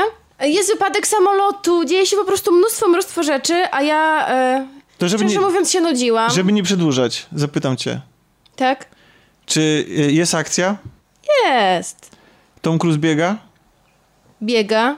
Dziewczyna Jest- jest, nawet ładna, Właśnie. ale najładniejsza jest e, Mumia, czyli Sofia Butella, którą znamy z Kingsmana i Star Treka. Jest prześliczną egipską księżniczką i nawet w- jako ta o- obandażowana w jakichś dziwnych tatuażach wygląda nadal przepięknie. Efekty są? Są. Dowcip jest? No właśnie z tym jest kiepsko i, i to między innymi jest smutne, bo te poprzednie mumie właśnie były przynajmniej śmieszne. A tutaj nie ma humoru, e, między bohaterami nie ma chemii. Nie, nic, bo chciałam zobaczyć, jak wyglą- wygląda ta Sofia, jak wpisałam na Facebooku Sofia Butelka? Nutella i się wyświetliła Sofia Nutella. Na pewno ją kojarzysz. Nie ma humoru, nie ma chemii między bohaterami. Rzeczy, które się dzieją, są bez sensu, ale bez sensu nie w, takim, w takiej kwestii magicznego uniwersum, bo to bym zrozumiała. Jak Fast są, and Furious. one są bez sensu w sensie logiki ekranowej i bohaterowie po prostu przeczą sami sobie. E, w jednej chwili postępują w jedną stronę, za chwilę robią coś zupełnie innego i widz sobie myśli, co, what the fuck? Po prostu to się nie trzyma kupy zupełnie. Scenariusz jest najsłabszą stroną tego filmu i myślałam, że przynajmniej się będę dobrze bawić i przynajmniej się pośmieję. Nie uśmiechnęłam się nawet. To smutne. Ja myślałem, że ja się uśmieję i się będę y, wesoło bawić na oglądając serial Glow, który, który miał bardzo ciekawe zapowiedzi i dużo obiecywał i właściwie te, te trailery, mnie tak przynajmniej, nie wiem jak innych, nastawiły do tego, że że to będzie takie, że to będzie jakaś taka e, bardzo odjazdowa i bardzo poprowadzona lekko opowieść o dziewczynach, które z, z, parają się wrestlingiem Wrestlingiem. takim show, prawda? No, każdy wie, Chyba czym- wszyscy wiemy, tak, co to co, wrestling. to jest wrestling. Aczkolwiek wydaje mi się, że fanów kobiecego wrestlingu to nie wiem, czy mamy e, tak wielu. Ja przyznam się szczerze, nie znam się na tych wszystkich federacjach, WWE, WWF i, i, i inne pandy. E, i, i No właśnie, WF to chyba zwierzątka. tak. Nie, bo to się, to się kiedyś nazywało tak, World, Wrestling Worldwide Federation, czy jakoś też tak się podobno nazywało. I chyba właśnie z tego powodu, że, że, że to kolidowało te nazwy, to oni je zmienili na WWE. No nie wiem, w każdym razie nie znam się na, na, na, na, wrestlingu i nie jestem fanem. No wiem, kto to jest Hulk Hogan i The Rocka, wszyscy znamy. Em, no, takie gwiazdy, które tam... Prze... O, teraz ostatnio mieliśmy tego mm, w Strażnikach Galaktyki. To też jest chyba zapaśnik, prawda? Tak. Tak. Ale nie wiem, czy wrestler. No, znaczy, no wydaje mi się, że jest wrestlerem właśnie. No w każdym razie to jest, y, to jest taki Ten, sport, grał Draxa, tak? który, tak, który, który uwielbiają Amerykanie No i to jest taki, tak jak my tutaj za żelazną kurtyną w małym perlowskim kraju wychowani mieliśmy y, przekonanie, że być może to się dzieje naprawdę i oni się naprawdę tak tłuką, no to oczywiście od samego początku wszystko ustawiane i mieliśmy zresztą film, który fantastycznie portretuje e, to środowisko tych takich nie z, gór, z górnej półki wrestlerów, tylko tych takich właśnie e, jeżdżących od y, miasteczka do miasteczka i robiących show wrestlerów, czyli wrestler, tak zapaśnik. A tutaj, y, tak jak mówię, te trailery zapowiadały y, komedię, komediodramat. Tymczasem dostaliśmy, bo to jest serial na Netflixie, bo o tym mówię, serial się nazywa Glow, dostaliśmy dramat przede wszystkim. I kom- ko- Jest komedią. zupełnie poważnie, uśmiechnąłem się przez cały sezon, jak oglądałem. Nie wiem, może z pięć razy. I to głównie ze względu na żarty, które mówi fikcyjna, wykreowana postać e, przez główną bohaterkę. Bo tam każdy wiadomo, w, e, wrestling polega na tym, że e, to jest taka telenowela, zresztą to, to w serialu też jest e, pokazane, gdzie mamy, gdzie mamy fikcyjne, wykreowane postaci przez właśnie przez tych wrestlerów, którzy ze sobą się kłócą, zdradzają się, zawierają sojusze i to wszystko się dzieje oczywiście poza ringiem, a ring i te walki są tylko takim show dla ludzi, gdzie oni się spierają i te wszystkie swoje problemy rozwiązują. I oczywiście w trakcie tych walk też dochodzi do zmiany frontów, zwrotów akcji i tak dalej. I to, to jest taka, ta, taka telenowela dla nastolatków, którą jasne można również lubić w życiu dorosłym i to jest takie, wiecie, no taki, taka nerdoza właściwie trochę, nie? Takie jaranie się fikcyjnymi postaciami. Te postaci zwykle są bardzo strasznie takie przerysowane i tak dalej. I to, co ten serial fajnie pokazuje i to jest niezaprzeczalna jego zaleta moim zdaniem, to jest e, to, że on e, pokazuje jak bardzo, jak, ja, ja nie znam wrestlingu amerykańskiego, więc nie wiem na ile teraz tak to wygląda, ale on pokazuje jak fajnie, jeśli ludzie kreatywni i tacy umiejący posługiwać się rzemiosłem, jak dostaną do ręki jako narzędzie taki kicz, to, że nawet za pomocą takiego kiczu są w stanie y, opowiedzieć coś fajnego o świecie, że dla tych ludzi, dla tych twórców, reżyserów tych spektakli i aktorów w nich y, biorących udział, to jest jakiś forma, jakaś forma komentarza społecznego. I to, w jaki sposób są wymyślone postacie, reżyserowane te walki, w jaki sposób są, są dobierane decy, decyzje e, o tym, e, kto, e, kto wygra, kto nie, to, to ma być to właśnie jakaś taka forma tego komentarza i tam mamy na przykład takie postacie, e, w tym serialu są takie postacie wykreowane, że mamy na przykład zawodniczki, które walczą, jest taka walka pomiędzy Ku Klux Klanem i, i czarnymi zawodniczkami na przykład i jest komentarz do, do rasizmu. Mamy na przykład jedna z postaci jest y, królową zasiłków. I to jest oczywiście czarnoskóra, y, taka otyła, otyła pani i, i to jest właśnie, to jest taki jakby w rękach tego człowieka, reżysera, który, który się zgodził e, reżyserować te panie i, tak, i te, który, który jakby no, scala całą tą drużynę, który jest, jest tutaj mm, e, tym głównym reżyserem, e, który dostaje to zadanie zrealizowania tego show. To jest właśnie takie narzędzie do opowiedzenia jakiejś jakiejś właśnie takiej historii o Ameryce. I to jest super, to jest w ogóle to jest fajne. On w ogóle na samym początku, jak tylko zaczyna, jak, na samym początku jakby przedstawia um, scenariusz na totalnie odjechaną science fiction w um, takim w postapokaliptycznym świecie opowieść, oczywiście nasiąkniętą seksem totalnie i w ogóle taką szowinistyczną, stereotypową, ale ponieważ on sam jest takim królem kiczu i zrobił właśnie, jest znanym reżyserem filmów klasy Z, z których to, ludzie toczą bekę, ale tak naprawdę w nich się kryje ukryty przekaz, tak jak u Tarantino powiedzmy, nie? Tylko, że takie filmy greenhouse'owe, ale z takim przesłaniem społecznym. E, i, i, komentarzem i to jest e, i, i, dla niego to jest po prostu kolejne narzędzie do tego, żeby się spełniać, no ale nie do końca może, ponieważ producent, który mu tego zleca, generalnie troszeczkę go tłamsi, aczkolwiek to nie jest jakaś taka mega zła postać, to jest raczej człowiek zafascynowany wrestlingiem i on rozumie, że, re, że, że wrestling musi być przynajmniej na początku musi być prosty i zrozumiały dla wszystkich, więc gdzieś tam oni się wszyscy wspierają e, i tak jak powiedziałem, ten nasz reżyser dostaje zadanie zebranie drużyny i wykreowanie tego show. I do tej drużyny trafia nasza główna bohaterka, a właściwie dwie główne bohaterki, bo ona wraz ze swoją przyjaciółką. I nasza główna bohaterka jest niespełnioną, bardzo ambitną aktorką, która oczywiście ma talent, wiedzę i, i duże mniemanie o sobie, e, pozwalające e, odgrywać e, najważniejsze role e, w najważniejszych filmach, tylko nikt jej nie chce zatrudniać i dostaje jakieś takie e, badziewne, e, badziewne kwestie do wypowiedzenia typu sekretarka albo coś takiego. No więc jakby z desperacji się trochę, braku pieniędzy się zgłasza, zresztą tam dużo kobiet się, z różnych powodów y, się zgłaszają kobiety na ten casting.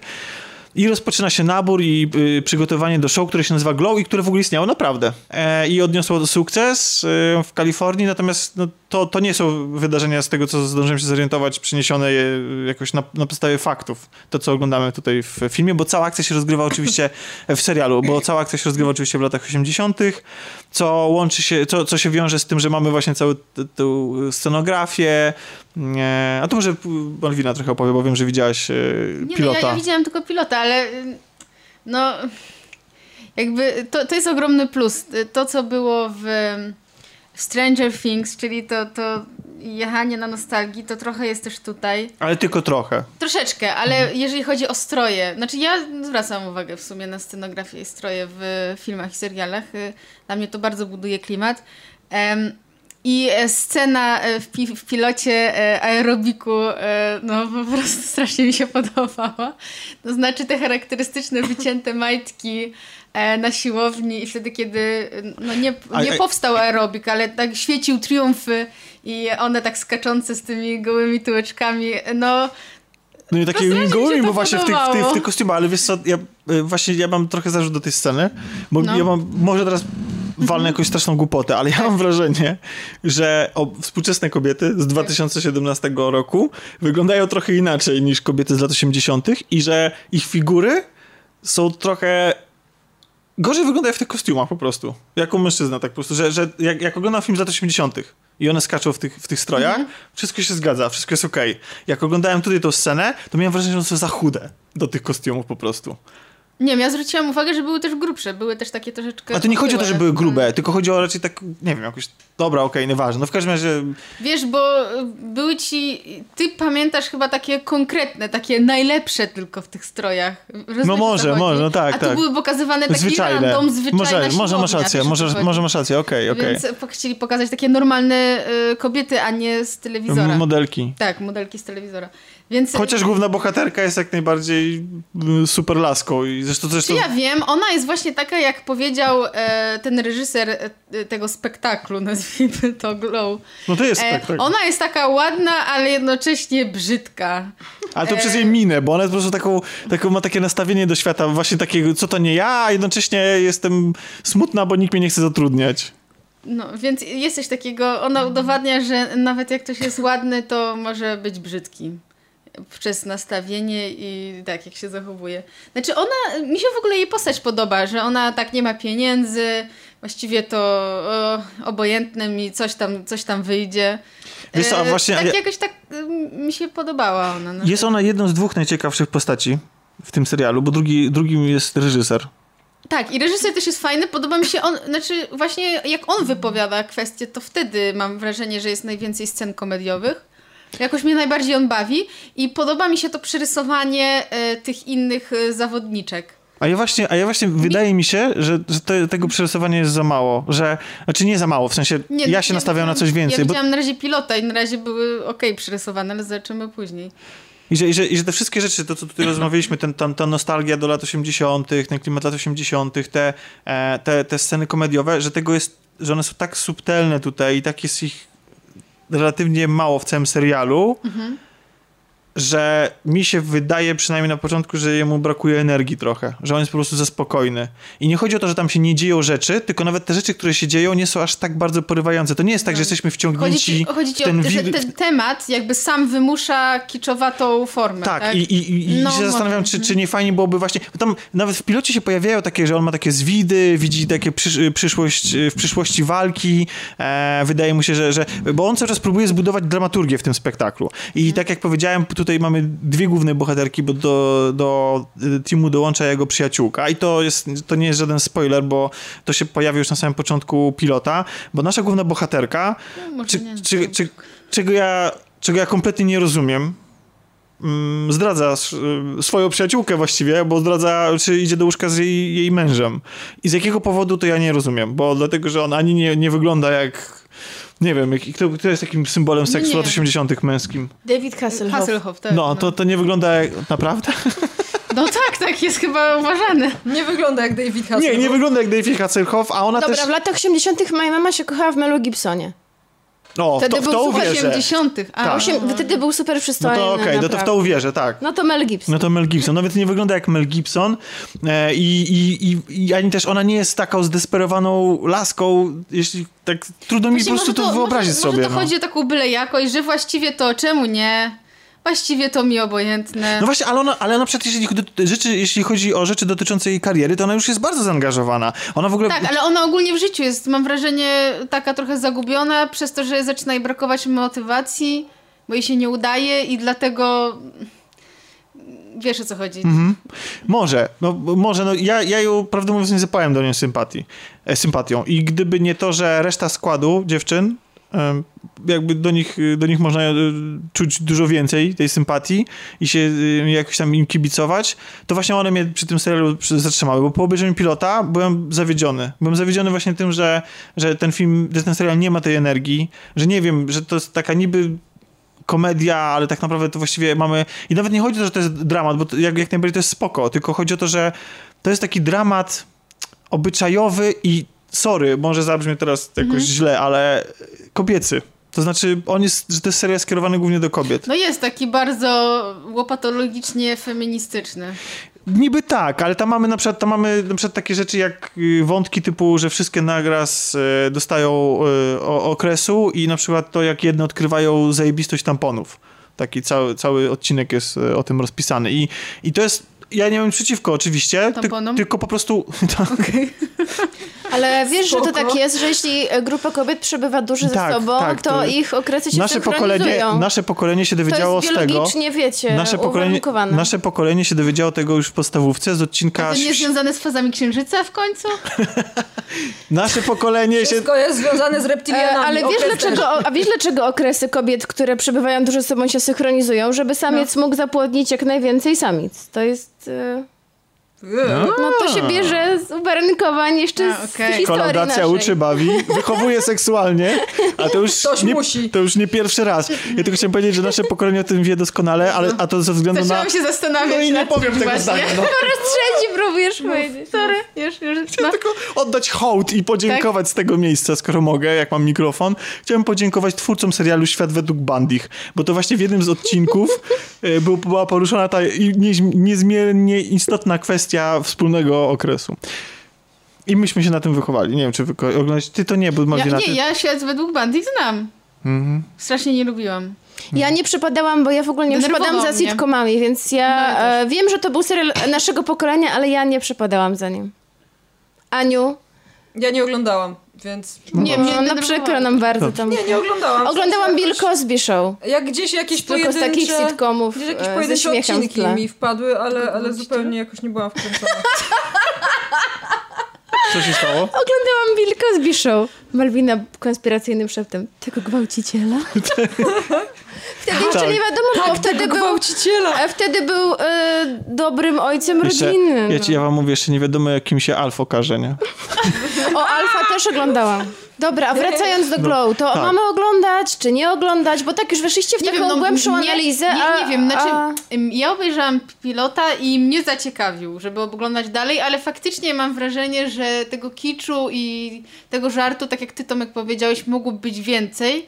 Na razie czekam, ale, ale zaciekawił mnie wciągnął. Ale będziesz oglądać dalej? No tak, tak, chyba obejrzę dalej, tak. Znaczy, ja polecam, żeby dalej obejrzeć, żeby się nie zniechęcać pilotem, bo później jest lepiej, no i przyzwyczajam się do tych bohaterek. Nadal te tematy są takie mocno melodramatyczne, e, te wątki są takie bardziej osobiste, no ale mi trochę tam zabrakło takiego spojrzenia na ten show biznes, takiego głębszego, żeby, żeby pokazać, jak to, jak, jakoś, jak, jak, jak to, może to będzie w następnych sezonach, bo ten, ten, ten sezon cały wydaje mi się właśnie takim dobrym wprowadzeniem, bo generalnie przez cały sezon mamy po prostu te, te, te postacie, które ze sobą zacieśniają więzy, gdzie się, gdzie się tak ze sobą e, ścierają i gdzieś tam, no ta drużyna się formuje, tak, że one się stają powoli przyjaciółkami, to nie jest żadne zaskoczenie, że one się po prostu, że, że razem tworzą show, przedstawienie, więc w każdym zespole wiadomo, jedni się bardziej lubią, drudzy mniej, no ale, ale gdzieś tam ten zespół muszą stworzyć, cały sezon o tym opowiada, opowiada, znaczy recenzje są bardzo pozytywne, wszyscy są zachwyceni.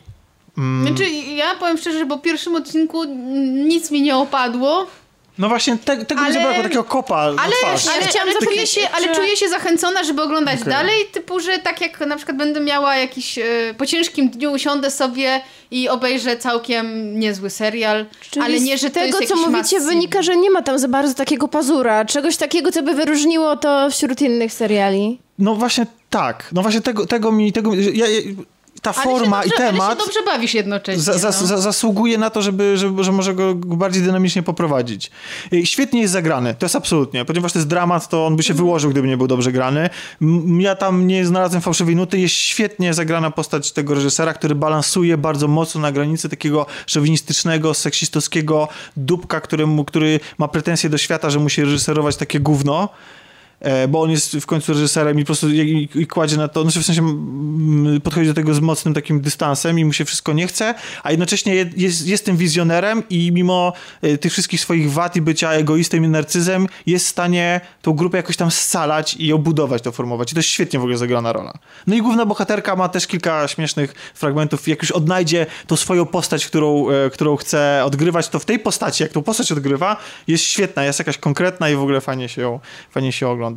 Także y, nie zrażajcie się y, pilotem, y, ostrzegam po prostu, że, że nie jest tak Że to nie jest taki rzut wrestlingowy na twarz po prostu, tylko coś, tylko taka dobrze. rozgrzewka bardziej. Trochę nie to, co się wszyscy spodziewali. To możemy wracać do spowiedzi. Może Bo chciałam powiedzieć, że Alex Kurzman, który był e, reżyserem tego wspaniałego filmu Mumia, który oglądałam, był jednocześnie scenarzystą pierwszych, chyba pierwszego i drugiego e, filmu z cyklu Transformers, więc miejmy to za sobą, bo ja już, już A ja chciałem, a ja chciałem tak strasznie na sam koniec zostawić. Dobrze, okej, no to proszę Nie, na sam koniec bym chciała powiedzieć o czymś dobrym, a mam jeszcze coś w No, zanadrzu innego. mam, mamy serial.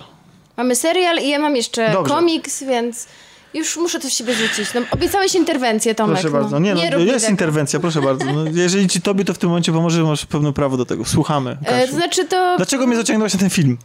No właśnie, sama nie wiem, ponieważ był to film pierwszy od dawna, na którym przysnęłam.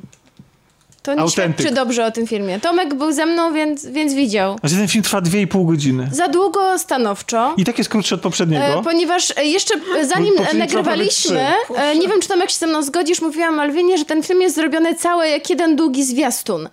I zwiastun po, pokazuje wątki, nie rozwija je, ich i e, urywa je. I to jest fajne, jeśli to jest zwiastun, który trwa dwie minuty. Ale w momencie, kiedy mamy coś takiego przez dwie i pół godziny, widzimy jakieś nagromadzenie akcji i żaden z tych wątków nie jest doprowadzony do końca, to mnie to zaczyna męczyć. Już męczyło mnie po godzinie. W pewnym Znaczy, momencie co- Tomek powiedział, czy wiesz, że dopiero minęła godzina?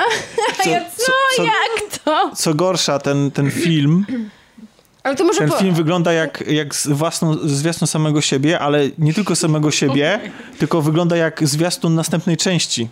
Bo nawet główny wątek, który główny, główne zagrożenie, które się tutaj pojawia, i które powinno być przecież osią cało, całości, występuje w tak śladowej ilości, ponieważ musi ustąpić miejsca innym rzeczom, które się tutaj dzieją, jest podprowadzeniem i wstępem do tego, co się będzie działo w następnej części. Tu właściwie nic z tego zagrożenia Może nie Tomku wynika. chciałbyś powiedzieć o fabule, bo ja Tak. przyznam, nie wiem, może, może w tym momencie uznacie mnie za niezbyt inteligentną, ale nie zrozumiałam tak do końca, o czym był ten film.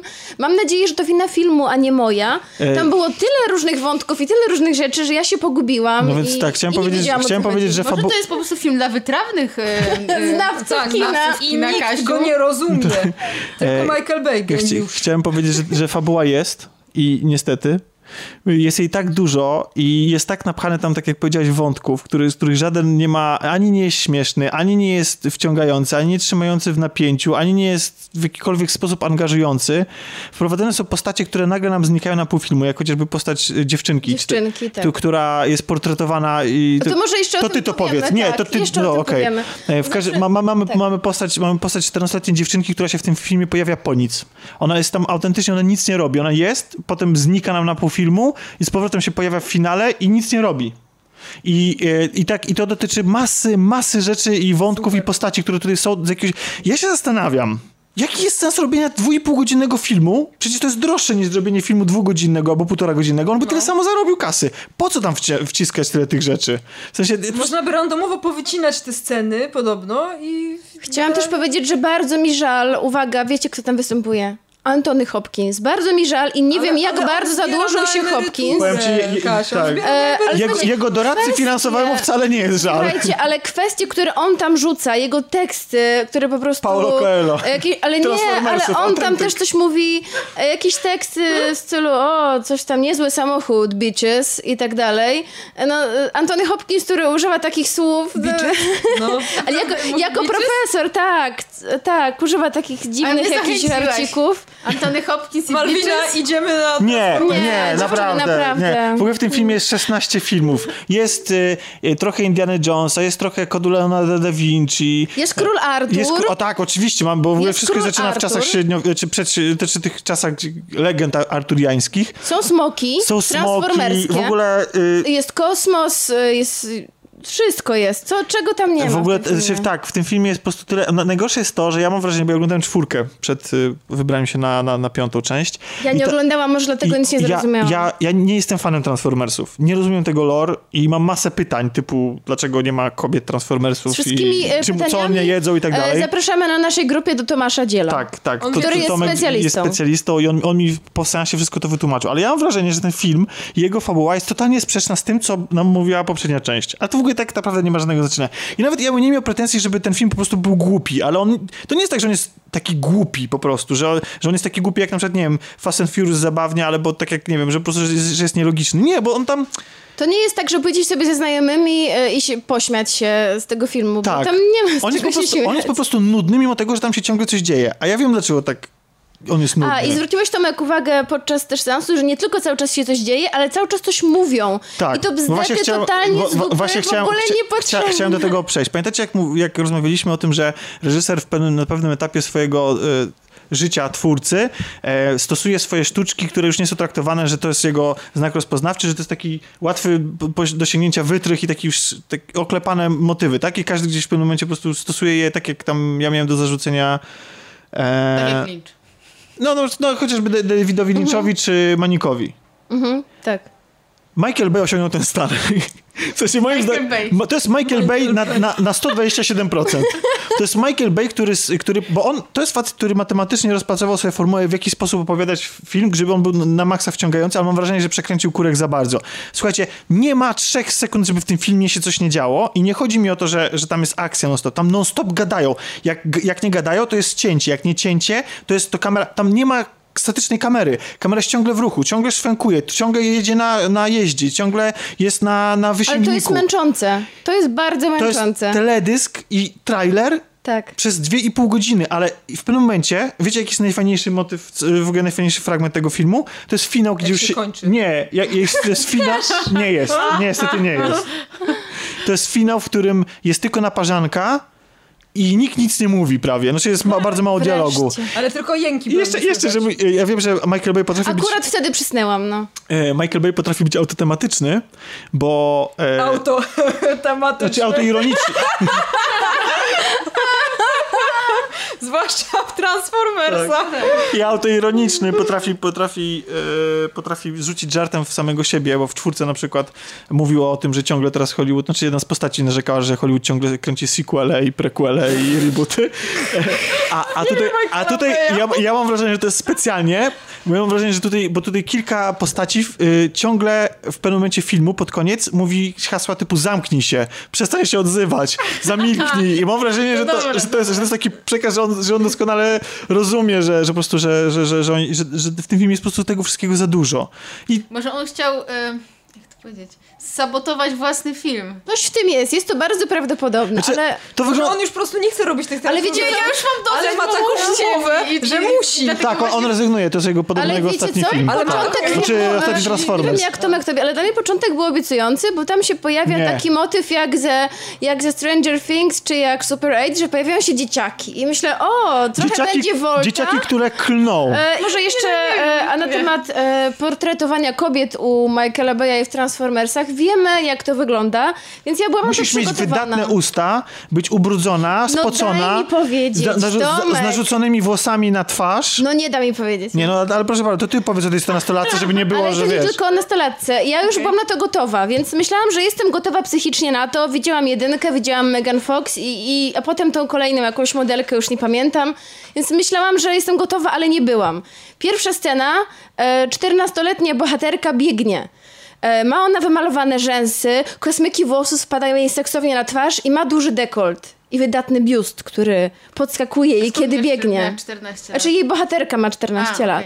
okej. E, I naprawdę, ja wiem, że oczywiście dziewczynki się rozwijają i mają biusty, ale chodzi o to, że e, kamera zwraca na to uwagę. Ona jest w tym filmie pokazywana jak dorosła kobieta, jak obiekt seksualny. Ono, ono czy może nie tak dosłownie, że mamy Nie, je, że je, ujęcie jak, bardzo, jak ale- słynne ujęcie motocyk- na motocyklu Megan Fox, ale, Ale ona też ma wydatne autentyk usta, wygląda jak, jak Megan. Fox w mniejszej skali po prostu. A oprócz tego e, bohaterka, która partneruje Markowi Wahlbergowi, niestety nie Który wiem ma jak się fatalną nazywa. fryzurę w tym filmie. Wygląda okropnie Mark Wahlberg. Ale słuchajcie, jak ubrana jest...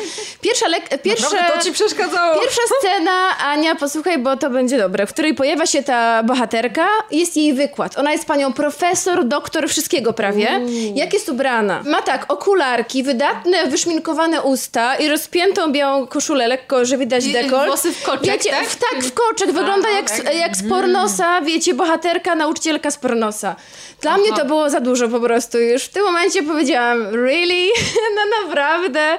E, więc, Czego się e, po I właśnie Hollywoodzie? ona w momencie, e, w pewnym momencie występuje w seksownej sukience bohater Wahlberga jakiś rzuca jej tekst na ten temat nawet, że wygląda jak stripteaserka, no więc właśnie ona się przebiera w strój do biegania i właśnie wtedy znów zakłada seksowną białą koszulę, no bo to jest strój Do do, biegania. do biegania. Tak. Y, Tak, no, no fakt, no może jest, może my o tym nie wiemy po prostu, a może faktycznie się dobrze biega w białej koszuli, musimy to sprawdzić. Ale, no, są, ale są dwie rzeczy, które są dobre. tak, tak, właśnie. I co uważasz, a, bo Malwina znalazła właśnie tę scenę. No, nie ma rowka, Między piersiami. więc A. nie jest bardzo seksowna, no. Pokaż, pokaż. No, ale ma- Nie, nie chodzi o to, że ale jest ma duży seksowna, chodzi o to, że no. czekaj. I biegnie.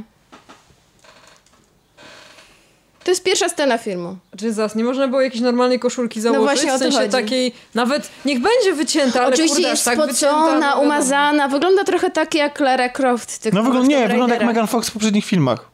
To też Poza tym on ma po prostu, Michael Bay ma po prostu tendencję do kobiet o określonej urodzie Ale i ta pani, szczerze, ta nasza pani naukowiec wygląda żeby- dosłownie jak kopia Ale Morgan zobaczcie Fox. sobie tą e, bohaterkę. żeby e, czternastolatkę tak. przedstawiać w taki sposób. Znaczy on, no, na szczęście, sorry, film, na szczęście ale... film później trochę się ratuje z tego i ona jest później portretowana już jako dziecko. Jak, jak, jak, jak rozmawia z Markiem Wahlbergiem, i kamera jest ustawiona pod odpowiednim kątem i ona już, już wygląda po prostu jak dzieciak. Natomiast w tej scenie, na samym początku, autentyk i czekałem, znaczy dobrze to Kasia pierwsza powiedziała w kinie, żeby nie było, że jakoś e, źle brzmię. Wystarczy, że tak No, w płaszczu ale- chodzę do kina. Sam. Sam. W każdym razie są Te dwie, wydatne usta są naprawdę, dwie rzeczy nawet dobre. U, nawet u dziewczynek. są, są, są dwie rzeczy dobre w tym filmie. Uważam, że bardzo dobre jest CGI. Ja nie wiem, na ile fani będą zadowoleni, czyli efekty specjalne. Ja nie wiem, na ile e, fani będą zadowoleni e, z tego, że z, te, z tej pokazywania, w jaki sposób się te Transformersy przemieniają, bo wiem, że z tego był problem, e, z tym był problem w poprzedniej części, że ludzie byli zawiedzieni, że już te Transformersy już, już nie ma tej frajdy z przemiany e, ich na ekranie. E, Tutaj, tutaj, tutaj one, nie wiem, wydaje mi się, że trochę bardziej na tym jest kamera skupiona niż w poprzedniej części. Natomiast jako całość wszystko jest zrobione technicznie super. Znaczy technicznie, w sensie jeśli chodzi o efekty specjalne. E, oczywiście to jest mega przesadzone i nawet mamy wybuchy w średniowieczu. Takie wiecie. Oh jakby, yeah. tak. Ale co, w średniowieczu nic nie mogło wybuchać? Jeżeli to Transformers Nie, wybucha, inaczej chodzi, chodzi o to, że Michael Bay bardzo fajnie, to za to mu wielki szacunek, że on do tej pory łączy efekty specjalne, takie komputerowe, e, z dużym natężeniem mimo wszystko nadal efektów e, praktycznych tak zwanych, czyli tych robionych na planie, na żywo, wybuchów, kask- popisów kaskaderskich i to dzięki temu po prostu ogląda się bardzo fajnie i bardzo sprawnie, e, bardzo strawnie. I, i, I tylko, że po prostu dlatego jest te charakterystyczne wybuchy Michaela Baya, one się pojawiają też w średniowieczu i o ile na ulicy e, Chicago czy Londynu mogę to zrozumieć, to, to, to ten. A i druga fajna rzecz. I bohaterowie biegają dużo. Tak, i dru, druga fajna, jak, jak już powiedziałem, że tak, bo to zawsze, to są te określone ujęcia. Ja o to bym nie miał pretensji, że ten film wygląda wizualnie niemalże tak jak kopia poprze- poprzedniej, chociaż jest mniej tego stosowania tego słynnego podziału, e, w sensie tego dwóch kolorów e, w scenie, czyli niebieskiego i żółtego. E, nie masz tylu flar i na przykład czwórka, czwarta część jest kręcona w taki sposób, że masz niemal 90% jest robionych pod światło. Tomek obiecałeś, że będziemy mówić 2,5 minuty o tym filmie. No dobra, no, ale chciałbym też powiedzieć, co mi się jeszcze podobało i co też y, co świadczy o tym, że, jednak, tak. że, A że, nie wchodzi tak w szczegółowo w takie rzeczy. No. że, Mike, że Michael Bay jest jednak autoironiczny i autotematyczny, bo y, jest tam scena, która dwa razy przebija czwartą ścianę. Totalnie po prostu kwestia takiej... y, Scena wyjęta niemal żywcem z parodii typu Leslie Nielsen. Dosłownie. Gdzie mamy, gdzie ktoś opowiada e, retrospekcję i załącza nam się muzyka. Najlepsza scena filmu to E, jest. muzyka, która, e, taka patetyczna muzyka, która ma podbijać tę atmosferę, a nagle się okazuje, że to nie jest muzyka filmowa, tylko jedna z postaci e, odgrywa na organach tam po prostu. I mówi, no co, chciałem dodać więcej patosu. Tak, tak, więc, więc jest, jest, jest taki żart. ta- Tak, i, i, ale to było akurat zabawne, To, była jedyna scena, na której Bo się... niestety, ja nie wiem... Może Jak, Michael Bay się powinien przerzucić na takie parodie. nie, on nie jest śmieszny, to jest człowiek, który nie potrafi... Ja nie wiem, jak można mieć takie gwiazdy na ekranie i, i nie wiem, czy te scenariusze, czy on nie, nie propos- czuje w ogóle, y, y, propos nie czuje śmieszności, to ja jeszcze w tylko powiem, Te jaki- postaci rzucają rzeczy, które mają y, świadczyć o tym, że są fajne, wyluzowane i że te teksty są super fajne, ale one nie są. Ty siedzisz i, i nie wiesz, czy to, to nie śmiejesz się z E, tego. Nie wiem, Malwina, czy lubisz taki typ humoru, ale to był taki czysty slapstick. Na przykład główna bohaterka e, w, e, trans, samochód Transformers wypluwa ją ze swojego bagażnika, a ona wypada i bierze kij golfowy i zaczyna bić ten samochód, a następnie się przewraca i stacza się z pagórka. Taki typowy slapstick. I w tym momencie widzowie powinni, ha, ha, ha, stacza się z pagórka, ale śmieszne. No, nie, to nie śmieszne. To były śmieszne sceny w tym filmie. Oprócz tej jednej, o której mówił Tomek, to wszystko polegało na takim poślizgnięciu się na skórce od banana, tak naprawdę. Także, no. Także Takie komedie to, dwu i to pół, chyba... dwu i pół godziny trailer nasączony produkt placementem, nieśmiesznymi żartami i nudą po prostu. Także I absu- kolejny trailer. a tak, ale absolutnie nie polecam. Po mumii już. Chyba, że w domu i na przyspieszeniu. To wtedy tak, bo w kinie nie, nie da się nie, ja nie wiem, jak to będzie na przyspieszeniu, to to będzie w ogóle już nie będziesz w stanie tego oglądać, bo autentycznie tam są po prostu skoki kamer, te cięcia, to, że ciągle, ciągle ktoś coś gada, takie głupoty już totalne, żeby, już- żeby już cokolwiek im włożyć w usta. Te rozmowy, te dialogi nie mają sensu. Ktoś rzuca dwa zdania, po czym w ogóle to, to nic z tego nie wynika. Przeskakujemy do następnego ujęcia, następnej sceny i nic. Ja myślę, to brzmi jakby pisał to scenarzysta Mass Effect Andromeda. I nie wiem, kto wymyślił fryzurę Marka Wahlberga, ale proszę cię, apeluję Mark Wahlberg, obetnij Czy włosy. podejrzewam, że do, do, do, nas, do następnego filmu może zapuszcza. Ojej, o, ja nie wiem, on, on jest naprawdę niebrzydkim kolesiem, a tutaj i- wygląda okropnie. Nie, dla moim zdaniem nie jest przystojny. Twoim zdaniem jest czy nie jest? Nie jest. Czasami bywa, Marki ale w tym Mark. filmie nie. Taki trochę... Marki Mark jest y, człowiekiem, który jest y, wielu talentów i on na przykład umie bardzo fajnie zagrać, o ile się dostanie pod y, rękę bardzo dobrego Tak, reżysera. tak, tak. I, Paul Thomas Anderson, Boogie Nights, świetna rola jego. I błyszczy w y, nie Incepcji, tylko... Jak nazywa się ten film z DiCaprio? No właśnie o, tym, właśnie o tym filmie mówię. Infiltracja. Infiltracja, tak. świetna rola. Świe, świetna świetnie po rola. prostu, po prostu, bo to jest Bo dobry reżyser. dobry reżyser i dobry reżyser wie, jak poprowadzić y, aktora. To Jak, Mark Wahlberg? Tak. Myślałam, że Matt Damon. nie, Matt Damon tam Też grał główną rolę, ale tam on grał był. drugoplanowo. Ja Mark Wahlberg miał drugoplanową małą rolę, tak. Ja już A- chyba nie pamiętam tego filmu. A jak dostanie nie się pod y, rękę beznadziejnego reżysera, jak Shamalalalala, Shamalala. to wychodzi zdarzenie po prostu. Albo y, Maj- w Pamiętam, Michaelu jak byłam w Bayu. na tym filmie i wyszłam, to był pierwszy raz w moim życiu, kiedy wyszłam z kina z wielkim what the fuck wypisanym na twarzy. Ja na szczęście oglądałam ten film w domu, więc mogłam go po Pierwszy prostu raz w wyłączyć. moim życiu, autentycznie. Siedziałam w kinie i nie wiedziałam, co ja oglądam. Bo raczej wcześniej chodziłam na filmy, które w większości mi się podobały, a tam ja nie wiedziałam co. A jakbyście się, y, jakbyście mieli do nas pretensje, że, że nie powiedzieliśmy nic o fabule, to Co się nie da. ja nie wiem.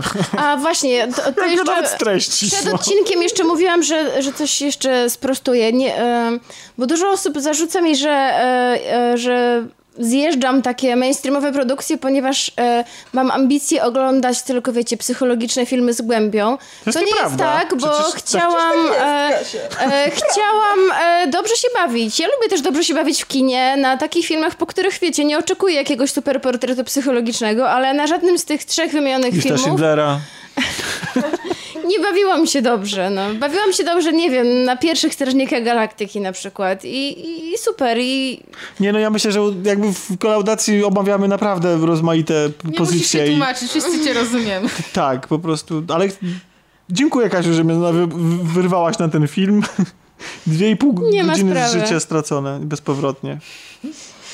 Prędko mi tego nie zapomnisz, co? Dobrze, tak. To pytanie, co mogę zrobić, żeby nie tracić dwóch i pół godzin. Może ty teraz, Kasiu, w, w ramach e, od pokuty y, coś zaproponujesz, co? Zaproponuję, tak, razem z, może z Anią Nie, zaproponuję. zaproponuj komik. Komiks? No. Dobra. No to właśnie, to teraz y, niepotrzebnie to mówiłam o tych ambitnych rzeczach.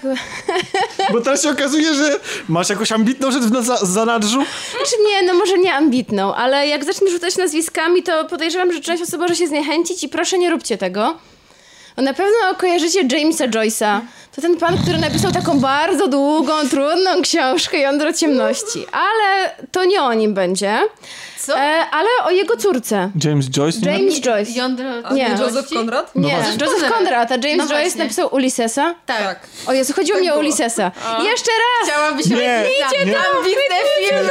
Także... a- Jezu, ja jestem, jestem po anglistyce, wytnijcie to, bo to po prostu To, nie, to Nie. zwalimy na Transformersy Kasia- i mumie już wyżarło To mózg to jest taki, taki sam, y, taka sama tragedia jak to, że ja po wizycie w Chinach stwierdziłam, że w Chinach mi się bardziej podobało niż w Japonii. Czekam tylko aż mi dyplom odbiorą. No dobrze, pan napisał Ulyssesa, a ja będę musiała, nie wiem, pojechać chyba kiedyś na jego grób, złożyć mu kwiaty w przeprosinach. że- Przeprosić go. Tak. Na powązkach. Przepraszam. Książka nie jest o nim, ale wspominam o nim dlatego, że e, James Joyce miał córkę. Nazywała się ona Lucia, czy tam Lu- Lu- Lucia po polsku, Lucia Joyce. E, I właśnie o niej opowiada ta książka. Ale nie tylko o niej, ponieważ jest bardzo ciekawie zbudowana. I autorka tego komiksu, jest to w ogóle komiks Oczko w głowie tatusia, tak się nazywa, autorstwa Mary Talbot.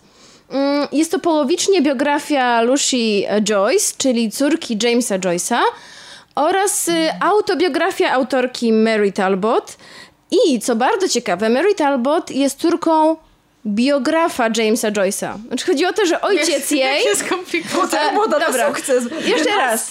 James Joyce miał córkę, Nie, a biograf Jamesa Joyce'a Też miał e, też miał córkę, córkę. tak. I ona pisze swoją autobiografię i biografię mm, córki Jamesa Joyce'a. e, Dostrzegając jakieś podobieństwa w ich losach, każda z nich miała trudne dzieciństwo e, związane z trudną relacją z ojcem. Trochę w inny sposób, ponieważ ojciec głównej bohaterki był, e, był takim typowym naukowcem, który pisał, zamykał, pisał całymi dniami, zamykał się w biurze i, i bardzo chłodny był dla swojej córki i bardzo, bardzo wymagający.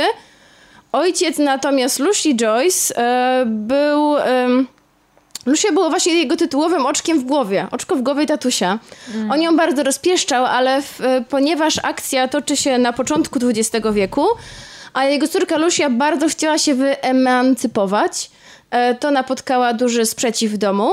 E, Jedna z kwestii jest tak, ona chciała być tancerką i uczestniczyła w, w tej słynnej grupie tanecznej Izadory Duncan i w ogóle tworzyła te, mm, te słynne ruchy taneczne z tamtej epoki. Dostrzegano jej wielki talent, ale ojciec zabronił jej to kontynuować, twierdząc, że kobiecie nie przystoi tak się wygibiwać, wygibać na scenie w półnago, półnago tak naprawdę. I pada tu taka kwestia, że kobieta powinna tylko umieć e, dobrze szyć, wypowiadać się i trzymać parasolkę i nic więcej nie jest jej potrzebne do A gdzie szczęścia. gotowanie? No, od gotowania jest służba.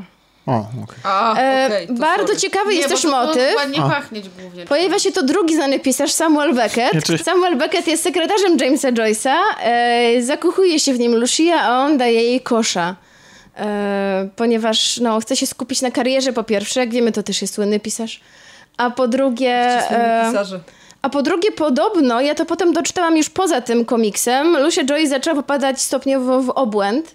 E, I niestety, właśnie podejrzewa się, że z powodu tych rodziców, którzy bardzo tworzyli nad nią takie klosze, na nic jej nie pozwalali, praktycznie miała siedzieć w domu i pachnieć. E, a ona chciała się realizować w tańcu i wreszcie zaczęła mieć problemy psychiczne. Zdiagnozowano u niej schizofrenię i leczył ją sam Carl Jung e, uczeń Freuda. Więc e, to jest o tyle ciekawe, tylko że niestety potem spędziła czas okupacji i, i późniejsze lata w, szpitalu psychi- w szpitalach psychiatrycznych. Nie wiadomo, jak to możliwe, że w ogóle przeżyła okupację, bo wiemy, co hitlerowcy robili z pacjentami szpitali psychiatrycznych. O czym zresztą opowiada bardzo ciekawa książka Lema. Nie wiem, czy czytaliście Szpital Przemienienia? Jedyna chyba książka Lema nie science fiction. Ale wracając do tego, bardzo ciekawa jest też strona graficzna tego komiksu, ponieważ fragmenty, które opowiadają o autorce, y, mają zupełnie inny styl rysunku oraz kolory, są malowane w takiej sepii e, z kolorowymi jakimiś takimi kontrapunktami, a ta część, która te fragmenty, które opowiadają o córce Jamesa Joyce'a są w takich atramentowych barwach i ponieważ się to toczy w latach dwudziestych, to kreska jest też taka inna, właśnie taka Stra- stra- bardziej... Strasznie mi się podoba ta kreska i w ogóle, Kreska ale jest świetny jest tusz, tusz jest, no. tuszowanie tego jest rewelacyjne, tylko y, ja, wiecie co mi to przypomina? Trochę mi to przypomina komiks japoński, prawdę mówiąc. Znaczy nie ma Może, tutaj wielkich znaczy- oczu, ale... Nie wiem, jaki z japońskich, japońskich komiksach, ale zwróćcie uwagę. No nie? e, że nie ma tutaj dużo Nie dialogów. E, Nie ma tu dużo dialogów, natomiast są takie jakieś e, przypisy, które są często też pisane taką czcionką maszynową. E, Bardzo dużo jest tu cytatów z literatury, więc, ale nie trzeba, tak jak Ania mówiła, doszukiwać się, ponieważ wszystko jest w nie, przypisach ja wyjaśnione. Nawet z jakichś różnych utworów muzycznych z literatury. A, i jeszcze jest trzecia linia czasowa, to jest współczesność e, autorki. E, gdzie ona się właśnie wprowadza nas dopiero w tę historię. Komiks wydany jest przepięknie. W ogóle wygląda e, jakby to była naprawdę stara książka z tamtych czasów, kiedy tworzył James Joyce. Bardzo mi się podobała historia obydwu kobiet, tylko chciałabym dowiedzieć się więcej. I dlatego po przeczytaniu komiksu sięgnęłam do Wikipedii i do różnych artykułów o Lucy Joyce, ponieważ em, myślę, że troszeczkę za mało on opowiada, ale kreska i rysunki są tak piękne, że momentami wydaje mi się, że nie trzeba nawet e, tekstu. Kiedy widzimy bardzo dobrze relacje e, córka-ojciec w obu przypadkach, wiecie, wystarczy, że ojciec zrobi minę i już wiemy, jakby tak dobrze są oddane te mm, ich emocje. Już wiemy, co on czuje, co mówi w tym momencie. I co? Autorka napisała go razem ze swoim mężem. Jej mąż ilustrował, a ona napisała, więc y, uważam, że stworzyli bardzo fajny tandem. A Mary Talbot się szerzej zainteresuje, bo podobno napisała też jeszcze kilka innych komiksów i jest twórczynią książek w tematyce gender, więc może dlatego właśnie em, tutaj się pojawia ten wątek emancypacji i tego, że właśnie obie bohaterki musiały wyrwać się spod wpływu ojca. Córka Jamesa Joyce'a w ten sposób, że ona nie mogła się realizować zawodowo, bo kazano jej siedzieć w domu, a nasza główna bohaterka, ojciec też jej narzucał, co ma studiować, kim ma być w przyszłości i, i co ma robić, z kim ma być, e, jak się dokładnie zachowywać i bardzo trudno było jej się jakby wyrwać spod jego wpływu, więc... E, jeśli ktoś chciałby poczytać e, o tym, to Oczko w głowie tatusia naprawdę bardzo mnie zainteresowało. Nie jest to może jakieś arcydzieło, ale, ale ciekawa historia. Strasznie feministycznie mamy dzisiaj. Oj, za chwilę będzie jeszcze bardziej To- feministycznie. Tak. Nie, a właśnie, prawdę mówiąc, to, to co zaraz nastąpi, czyli omawianie serialu po, Opowieść podręcznej. Bo mnie ten serial osobiście strasznie wkurzył, zirytował i y, przestałem go oglądać. Ale irytowało cię to, co się w nim działo. Nie, nie wkurzyło mnie to, ym, jak jest zrobiony. I to nie świadczy o tym, o tym serialu źle, tylko bardziej to, co, co prezentuje, no w sensie jakie wydarzenia prezentuje na ekranie. A jakie wydarzenia, to proszę bardzo, dziewczęta. Zaczęło się w ogóle od książki, e, dzisiaj już kanonicznej antyutopii Margaret Atwood, bo właśnie opowieść podręcznej, po angielsku Handmaid's Tale, tak. E, Margaret Atwood napisała to, tę książkę Tomku, w odpowiedzi na prawicowe i konserwatywne rządy Ronalda Reagana i Margaret Thatcher. E, Zresztą e, wydaje mi się, że komiks V for Vendetta też powstał w odpowiedzi. Jest to napisane we wstępie Mm, tak, na rządy tak, Margaret tak, tak, Thatcher. tak. Wymyśliła sobie, że właśnie w Stanach nastąpił taki prawicowy, mocno prawicowy i fundamentalnie religijny przewrót. Czyli władzę przejęła organizacja o nazwie Gilead. E, Są to tacy ojcowie narodu, przynajmniej za takich oni się uważają. I to- oni na nowo poukłada, w odpowiedzi właśnie na terroryzm i na, e, na katastrofę ekologiczną oraz na pewną katastrofę, czyli praktyczny zanik płodności u ludzi. I uważają oni, że Bóg pokarał ludzi za, e, za ich grzechy, dlatego teraz muszą oni przywrócić ład w społeczeństwie, przywrócić społeczeństwo praktycznie starotestamentowe, ale tak naprawdę jeszcze ostrzejsze są te reguły niż w Starym Testamencie, Właśnie, y, dro, dro, aby, u, aby przypodobać się Bogu. Trochę, trochę dziwnie jest tutaj religia pokazana, bo z jednej strony mamy faktycznie, właściwie w każdym, każdej rozmowie musi się Bóg pojawić z jakiegoś powodu i wszyscy żyją według tych zasad boskich. To znaczy, wiem, że główni bohaterowie powołują się na e, pewną przypowieść, nie przypowieść, e, na pewien fragment ze Starego Testamentu, który naprawdę w nim jest. Znaczy chodzi okej. o to, że oni e, wymyślają coś takiego, co nazywają ceremonią. No nie jest to spoiler, bo to następuje od razu w pierwszym odcinku. To znaczy...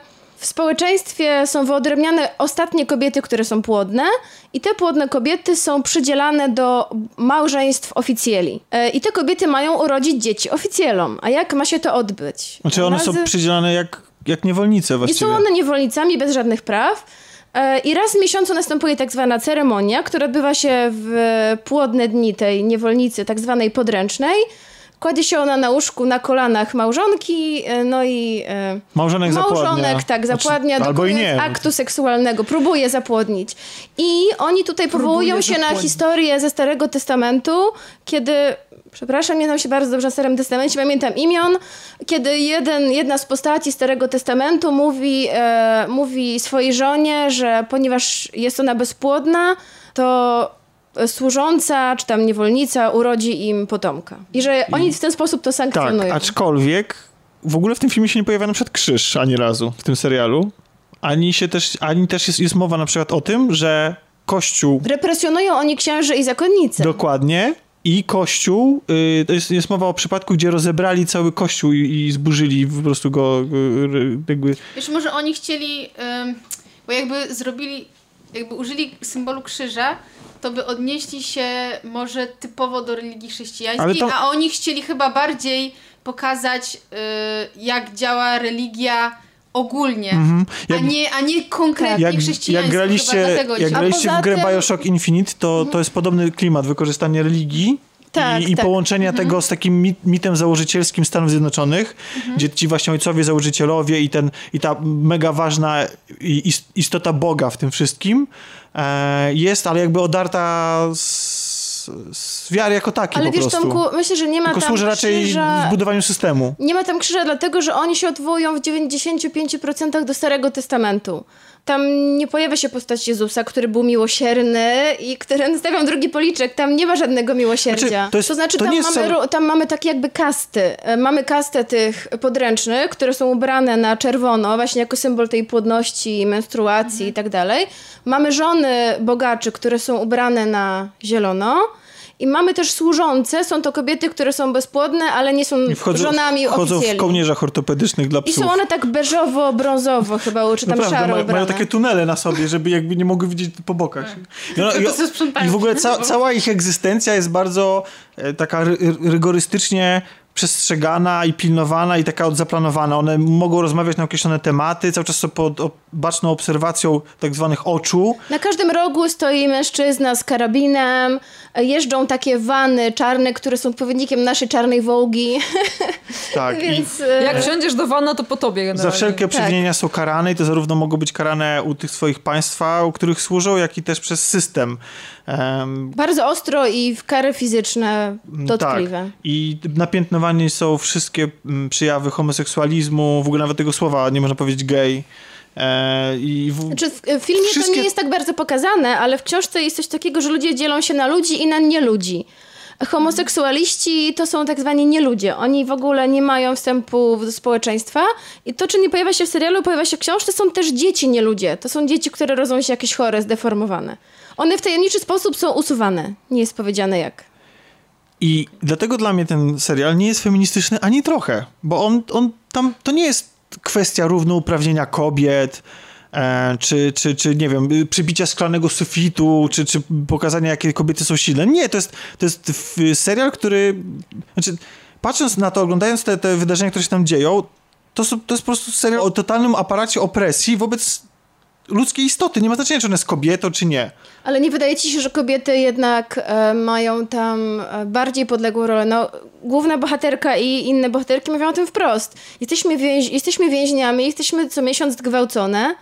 E, Czekaj, a bo nie mamy żadnych praw. Ale wszyscy mężczyźni to są ci, y, tymi oficjalami. Nie, nie, nie. Jak nie. są jeszcze Są też tacy, są też ta, no. Inni mężczyźni mają po prostu przydzielone role, jakieś zawody, na przykład kierowca, ogrodnik. Ale oni też są takimi rozpładniaczami. Nie, nie czy mają oni w, zezwolenia na żadne związki. kobietę. Jak jesteś, Każdy związek jak, jest jesteś, być jak jesteś z niskiej kasty, jak na przykład jeden z znajomych e, głównej bohaterki, to nawet to nie masz przydzielonej kobiety. No zresztą tak mówi Tak, o nim, że nie ma przydzielonej kobiety. że nie ma przydzielonej kobiety. Ale to, to jest właśnie to, że to w jaki sposób tam ludzie się odnoszą do ludzi, to jakby wzbudza tą empatię i złość, tak jak u mnie.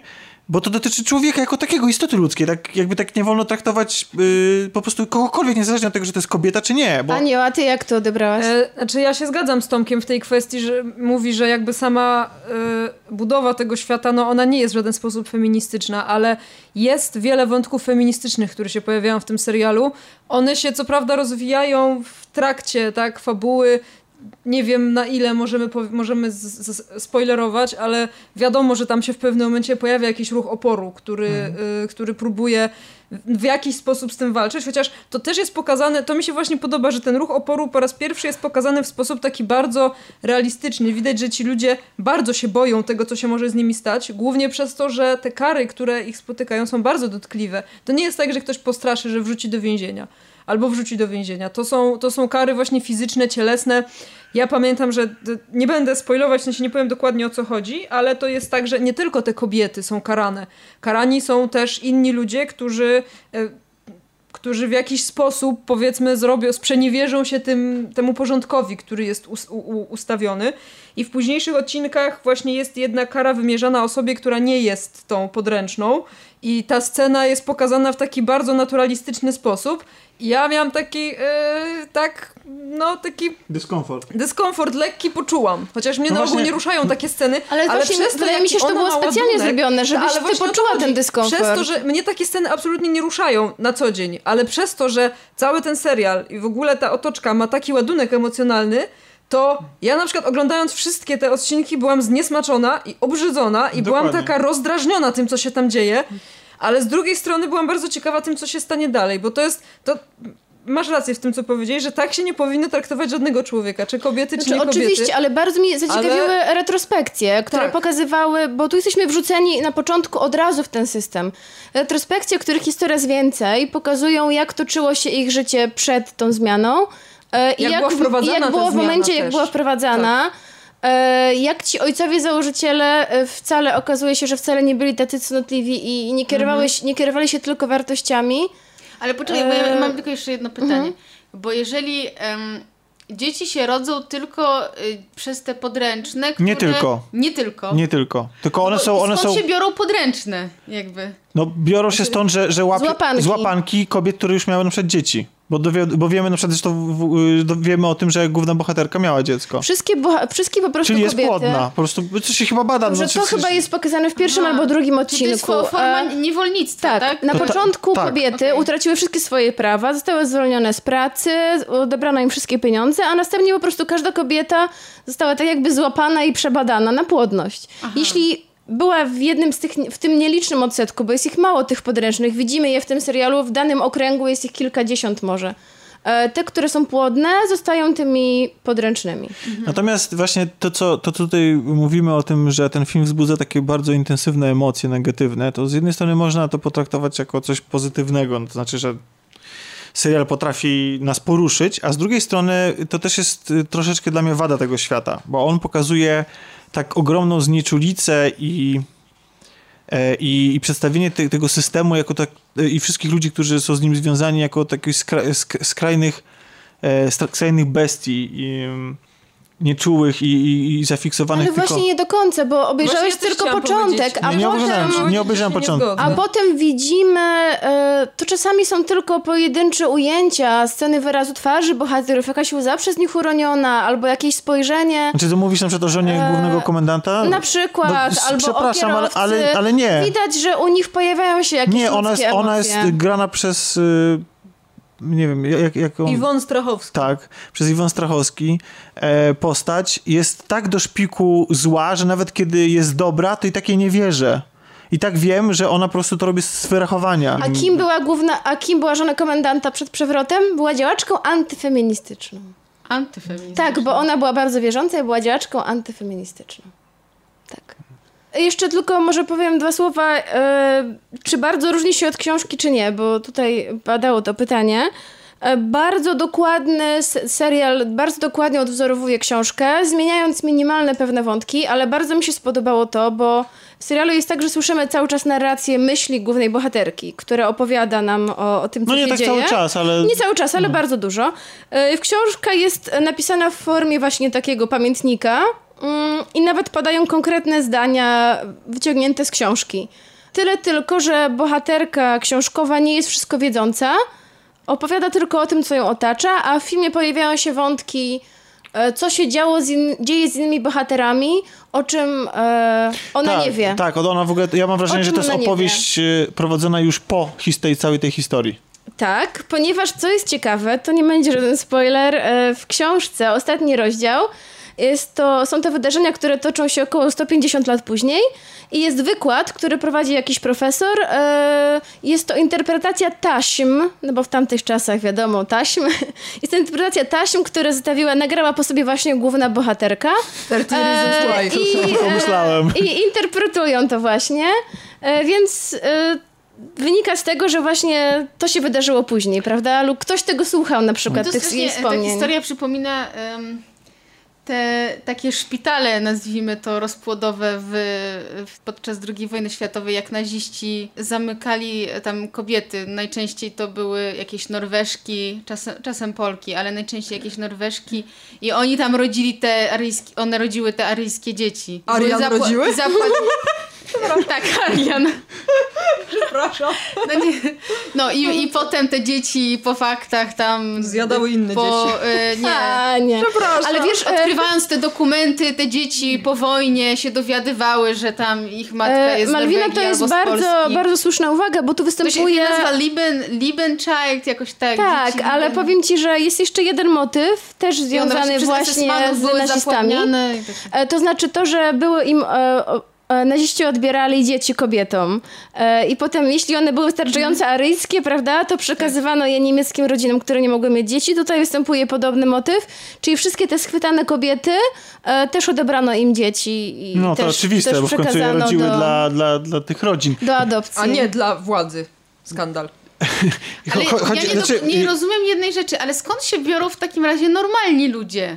Tacy... No nie ma normalnych ludzi. Ale to się nie dzieje To na się nie dzieje- w tak, to jest- to jest kilka- kilka lat. była Kilka lat po tym przewrocie. między nimi. Aha, Tak. okej, rozumiem. Nie, nie, to nie jest jakiś odległy świat y, w, od momentu, kiedy wprowadzono ten stan. To nie, bo No, ale, bo ten system się kiedyś musi zawalić, bo nie ma, y, że tak powiem, klasy robotniczej. Nie, bo no jest. rozmnaża klasa robotnicza. Zapładniane są kobiety e, przez tych mężczyzn z tych wyższych klas. No to jak, jak się rodzą tych, w tych niższych klasach te dzieci? To znaczy, wiesz, Malwina, problemem społeczeństwa, e, które jest współczesne temu w książce, jest to, że w ogóle się nie rodzą dzieci, więc e, Stany Zjednoczone, które tu się nazywają Gileadem, są ewenementem wśród innych narodów, bo w innych narodach już się nie rodzą dzieci. I tu wręcz przyjeżdżają do nich delegacje, żeby zapytać, jak oni to zrobili, że rodzą się u nich w ogóle dzieci. A to był najbardziej obrzydliwy odcinek, jaki był chyba w całym sezonie, tak, y, który mi najbardziej siadł na psychikę. Z delegacją. A czy to jest delegacją, wytłumaczone, tak. dlaczego w Stanach się tylko... No właśnie dlatego, że wymyślili te podręczne i zmuszają je do płodzenia dzieci. Okej. E, a ja, Tak. ja z punktu widzenia mężczyzny świata zachodniego, wydaje mi się, że system, który został tam wymyślony jest bez sensu, ale No to jest sensu, ba- ba- ja bardzo nie słuszna uwaga Ma- Malwiny, ale też z innego powodu. Bo utrzymanie systemu opresji jest droższe, zwłaszcza w czasach, w których prowadzisz wojnę, tak, jest, są jakieś niepewne, więc musisz de facto prowadzić wojnę na dwóch frontach. W, do wewnątrz do swoich obywateli i na zewnątrz z wrogiem. I dla mnie o wiele lepszym rozwiązaniem, tak przynajmniej teraz na papierze, tak mi się wydaje, byłoby wprowadzenie matriarchatu. Czyli powrót do e, sytuacji, w której te kobiety płodne nie są sprowadzane do mm, niewolnic i wobec nich e, opresję, tylko wręcz przeciwnie, są wywyższane ponad to społeczeństwo.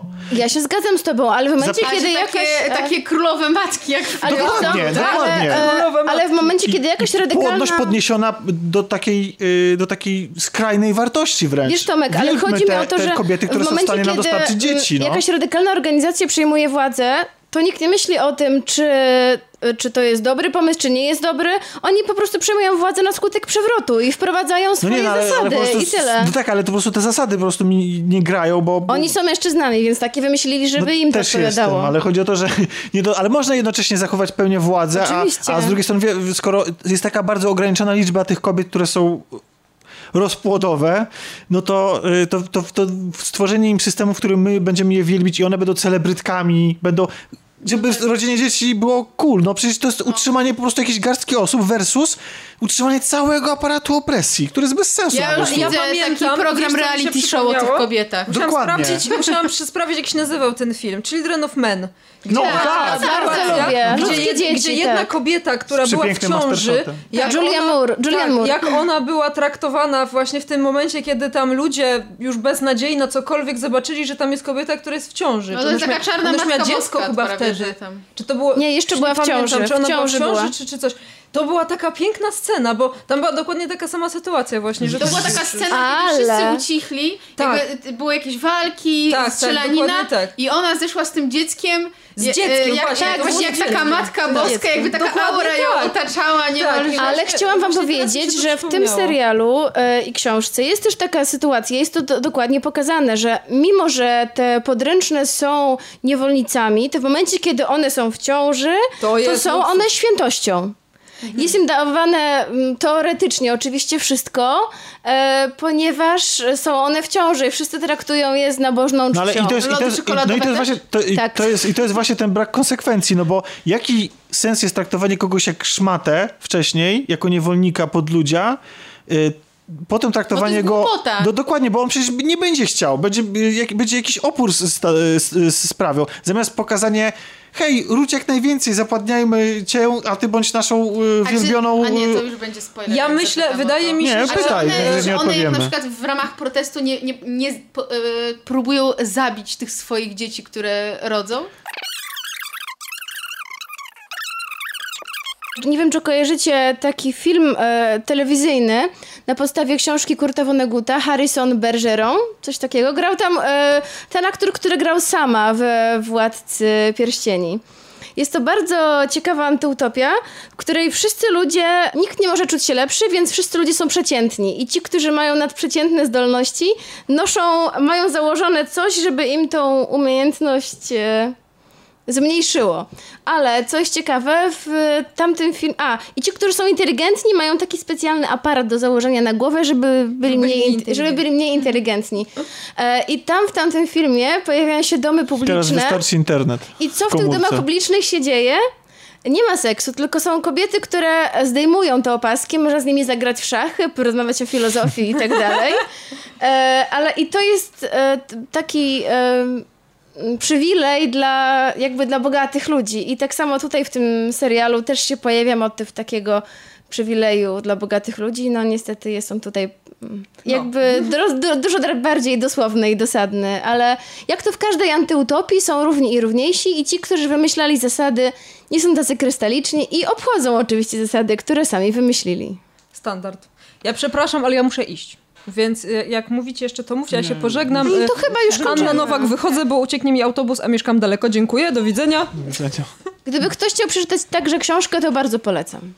A nie powiedzieliśmy jeszcze o imionach bohaterek. Główna bohaterka nazywa się Offred, czyli własność Freda.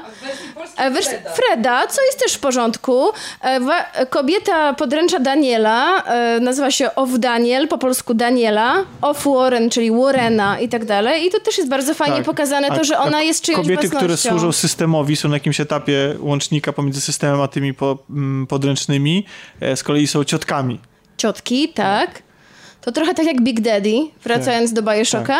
A służące są Martami. No nie wiem, a to też z Biblii. I myślę, że można... Ja polecam bardzo serial. Uwielbiam antyutopię, to mówię nie, nie pierwszy raz, ale nawet jeśli nie uwielbiacie i to polecam i tak, mimo że Tomek, Tomka w Nie, ale ja też polecam, absolutnie. Zmierzcie się z nim sami. To jest, ja, ja nie mówię, że to jest Nie jest przyjemny, serial. nie jest przyjemny, Znaczy, ja, odpadłem, ale- ja odpadłem na scenie, w której widzimy na żywo, znaczy na żywo, w sensie bez cięć, egzekucję. Po, powieszenie, jak jedna, jedna z kobiet zostaje powieszona. I to było tak mocne, ja byłem już tak zły na tych ludzi, których, których oglądam, na ten świat, na ten system, że po prostu nie chciałem tego dalej oglądać. Ale zakończyliśmy czymś ambitnym i dobrym i w ogóle, czyli interwencja udana. Nie wiem, czy to jest takie Czy, ambitne, ma, czy, masz, czy, ale dobre. Czy masz, czy masz teraz y, ochotę na na przykład na, na, przykład na serial Blo- Blood Drive? Y, nie mam. To następnym razem o nim opowiem. Ale y, będę chciała zobaczyć. Y, już kilka osób mi polecało, więc y, mam nadzieję, że zdążę przed następnym odcinkiem. To jeszcze powiem, że była ekranizacja filmowa y, opowieści podręcznej y, z Nataszą Richardson i Robertem Duvalem. Była ona okej, w porządku, bo był to film amerykański y, z, lat, z połowy lat 90. i był dużo delikatniejszy. To wszystko było przedstawione w taki sposób, że nie szokowało tak jak ten serial. Myślę, że teraz twórcy mogą sobie pozwolić na dużo, dużo więcej. I może dlatego to też tak działa na ludzi, że jest takim kopniakiem. Jeszcze powiedzmy, gdzie, jeszcze powiedzmy, gdzie można obejrzeć Można obejrzeć na Showmaxie w Polsce. E, czy twórcą jest Hulu. Klub na torrentach. Twórcą jest Hulu, dostępny w Polsce. Już niedługo ma być legalnie dostępny w Polsce. Ale trochę, y, trochę jest miejscami niedofinansowany. Mm, serial w sensie. No wi- widać jednak tam taką pewną Mhm. Umowność i budżetowość. Y, Głównie przez to, jak obrazek po prostu wygląda. Po Mhm. prostu, że to widać, czuć telewizję. E, A szkoda, bo właściwie ta historia jest taka nośna i spokojnie mogło, można byłoby ją właśnie, jakby trafiła do HBO na przykład. y, Na mnie sama Netflixa, treść być- być zrobiła ładniejsza. tak ogromne wrażenie, że chyba Jasne, nie zwracałam na to, to, to uwagi. tylko ta kwestia uwaga, to nie jest jakiś tam wielki zarzut. Zwłaszcza, że e, gra aktorska jest, jest w porządku. A właśnie, i aktorstwo, oprócz Iwon Strechowski, jeszcze Joseph Fiennes, który radzi sobie nie najgorzej. Ja nie jestem wielką fanką tego aktora, ale I pan, y, którego ja pamiętam z serialu, który się nazywał Flashback. Flash Forward. Flash Forward, przepraszam. Flash Forward. E, O, jak ja który- lubiłam ten serial, ja się wkurzyłam, że nie było Naprawdę? kontynuacji. Przecież to był tak głupi A ja to serial. lubiłam. No, i f- finał tego e, sezonu, tego serialu był tak idiotyczny, że to był tylko dopełnienie po prostu... E, I właśnie Joseph Fiennes grał w tym serialu Całego okropnie. sezonu. Tak, no właśnie. O, strasznie. A tutaj Joseph Fiennes, brat e, Ralpha Fiennesa, którego uwielbiam, zagrał całkiem nieźle. Słuchajcie, to był 31, Może dlatego, że 32 mało mówi, tylko się uśmiecha. kolaudacji show, jakbyście się jeszcze nie zorientowali, bo żeśmy na początku nie powiedzieli o tym. Em, Zapraszamy naszym zwyczajem oczywiście na naszą grupę, naszego Discorda, naszą stronę, na stronę rozgrywkapodcast.pl. Zapraszamy też wszystkich za tydzień, mamy nadzieję, albo i nie, bo ponieważ mamy tryb wakacyjny, to różnie to będzie. Ja na przykład zmykam na Heineken, znaczy na Openera, bo to już jest... Już teraz nie jest Heineken. już nie Inny Heineken. sponsor. Ale tak się cieszę, bo pierwszy raz jadę w życiu. Jadę. Na, na Lord i... Lordę? Lordę? Lord? Tak. I na XX. To baw się dobrze. A wy też się, a wy co będziecie robić? Ja będę korzystać z wakacji, które mam właśnie. Przywilej e, uczenia dzieci jest taki, że można potem trochę odpocząć.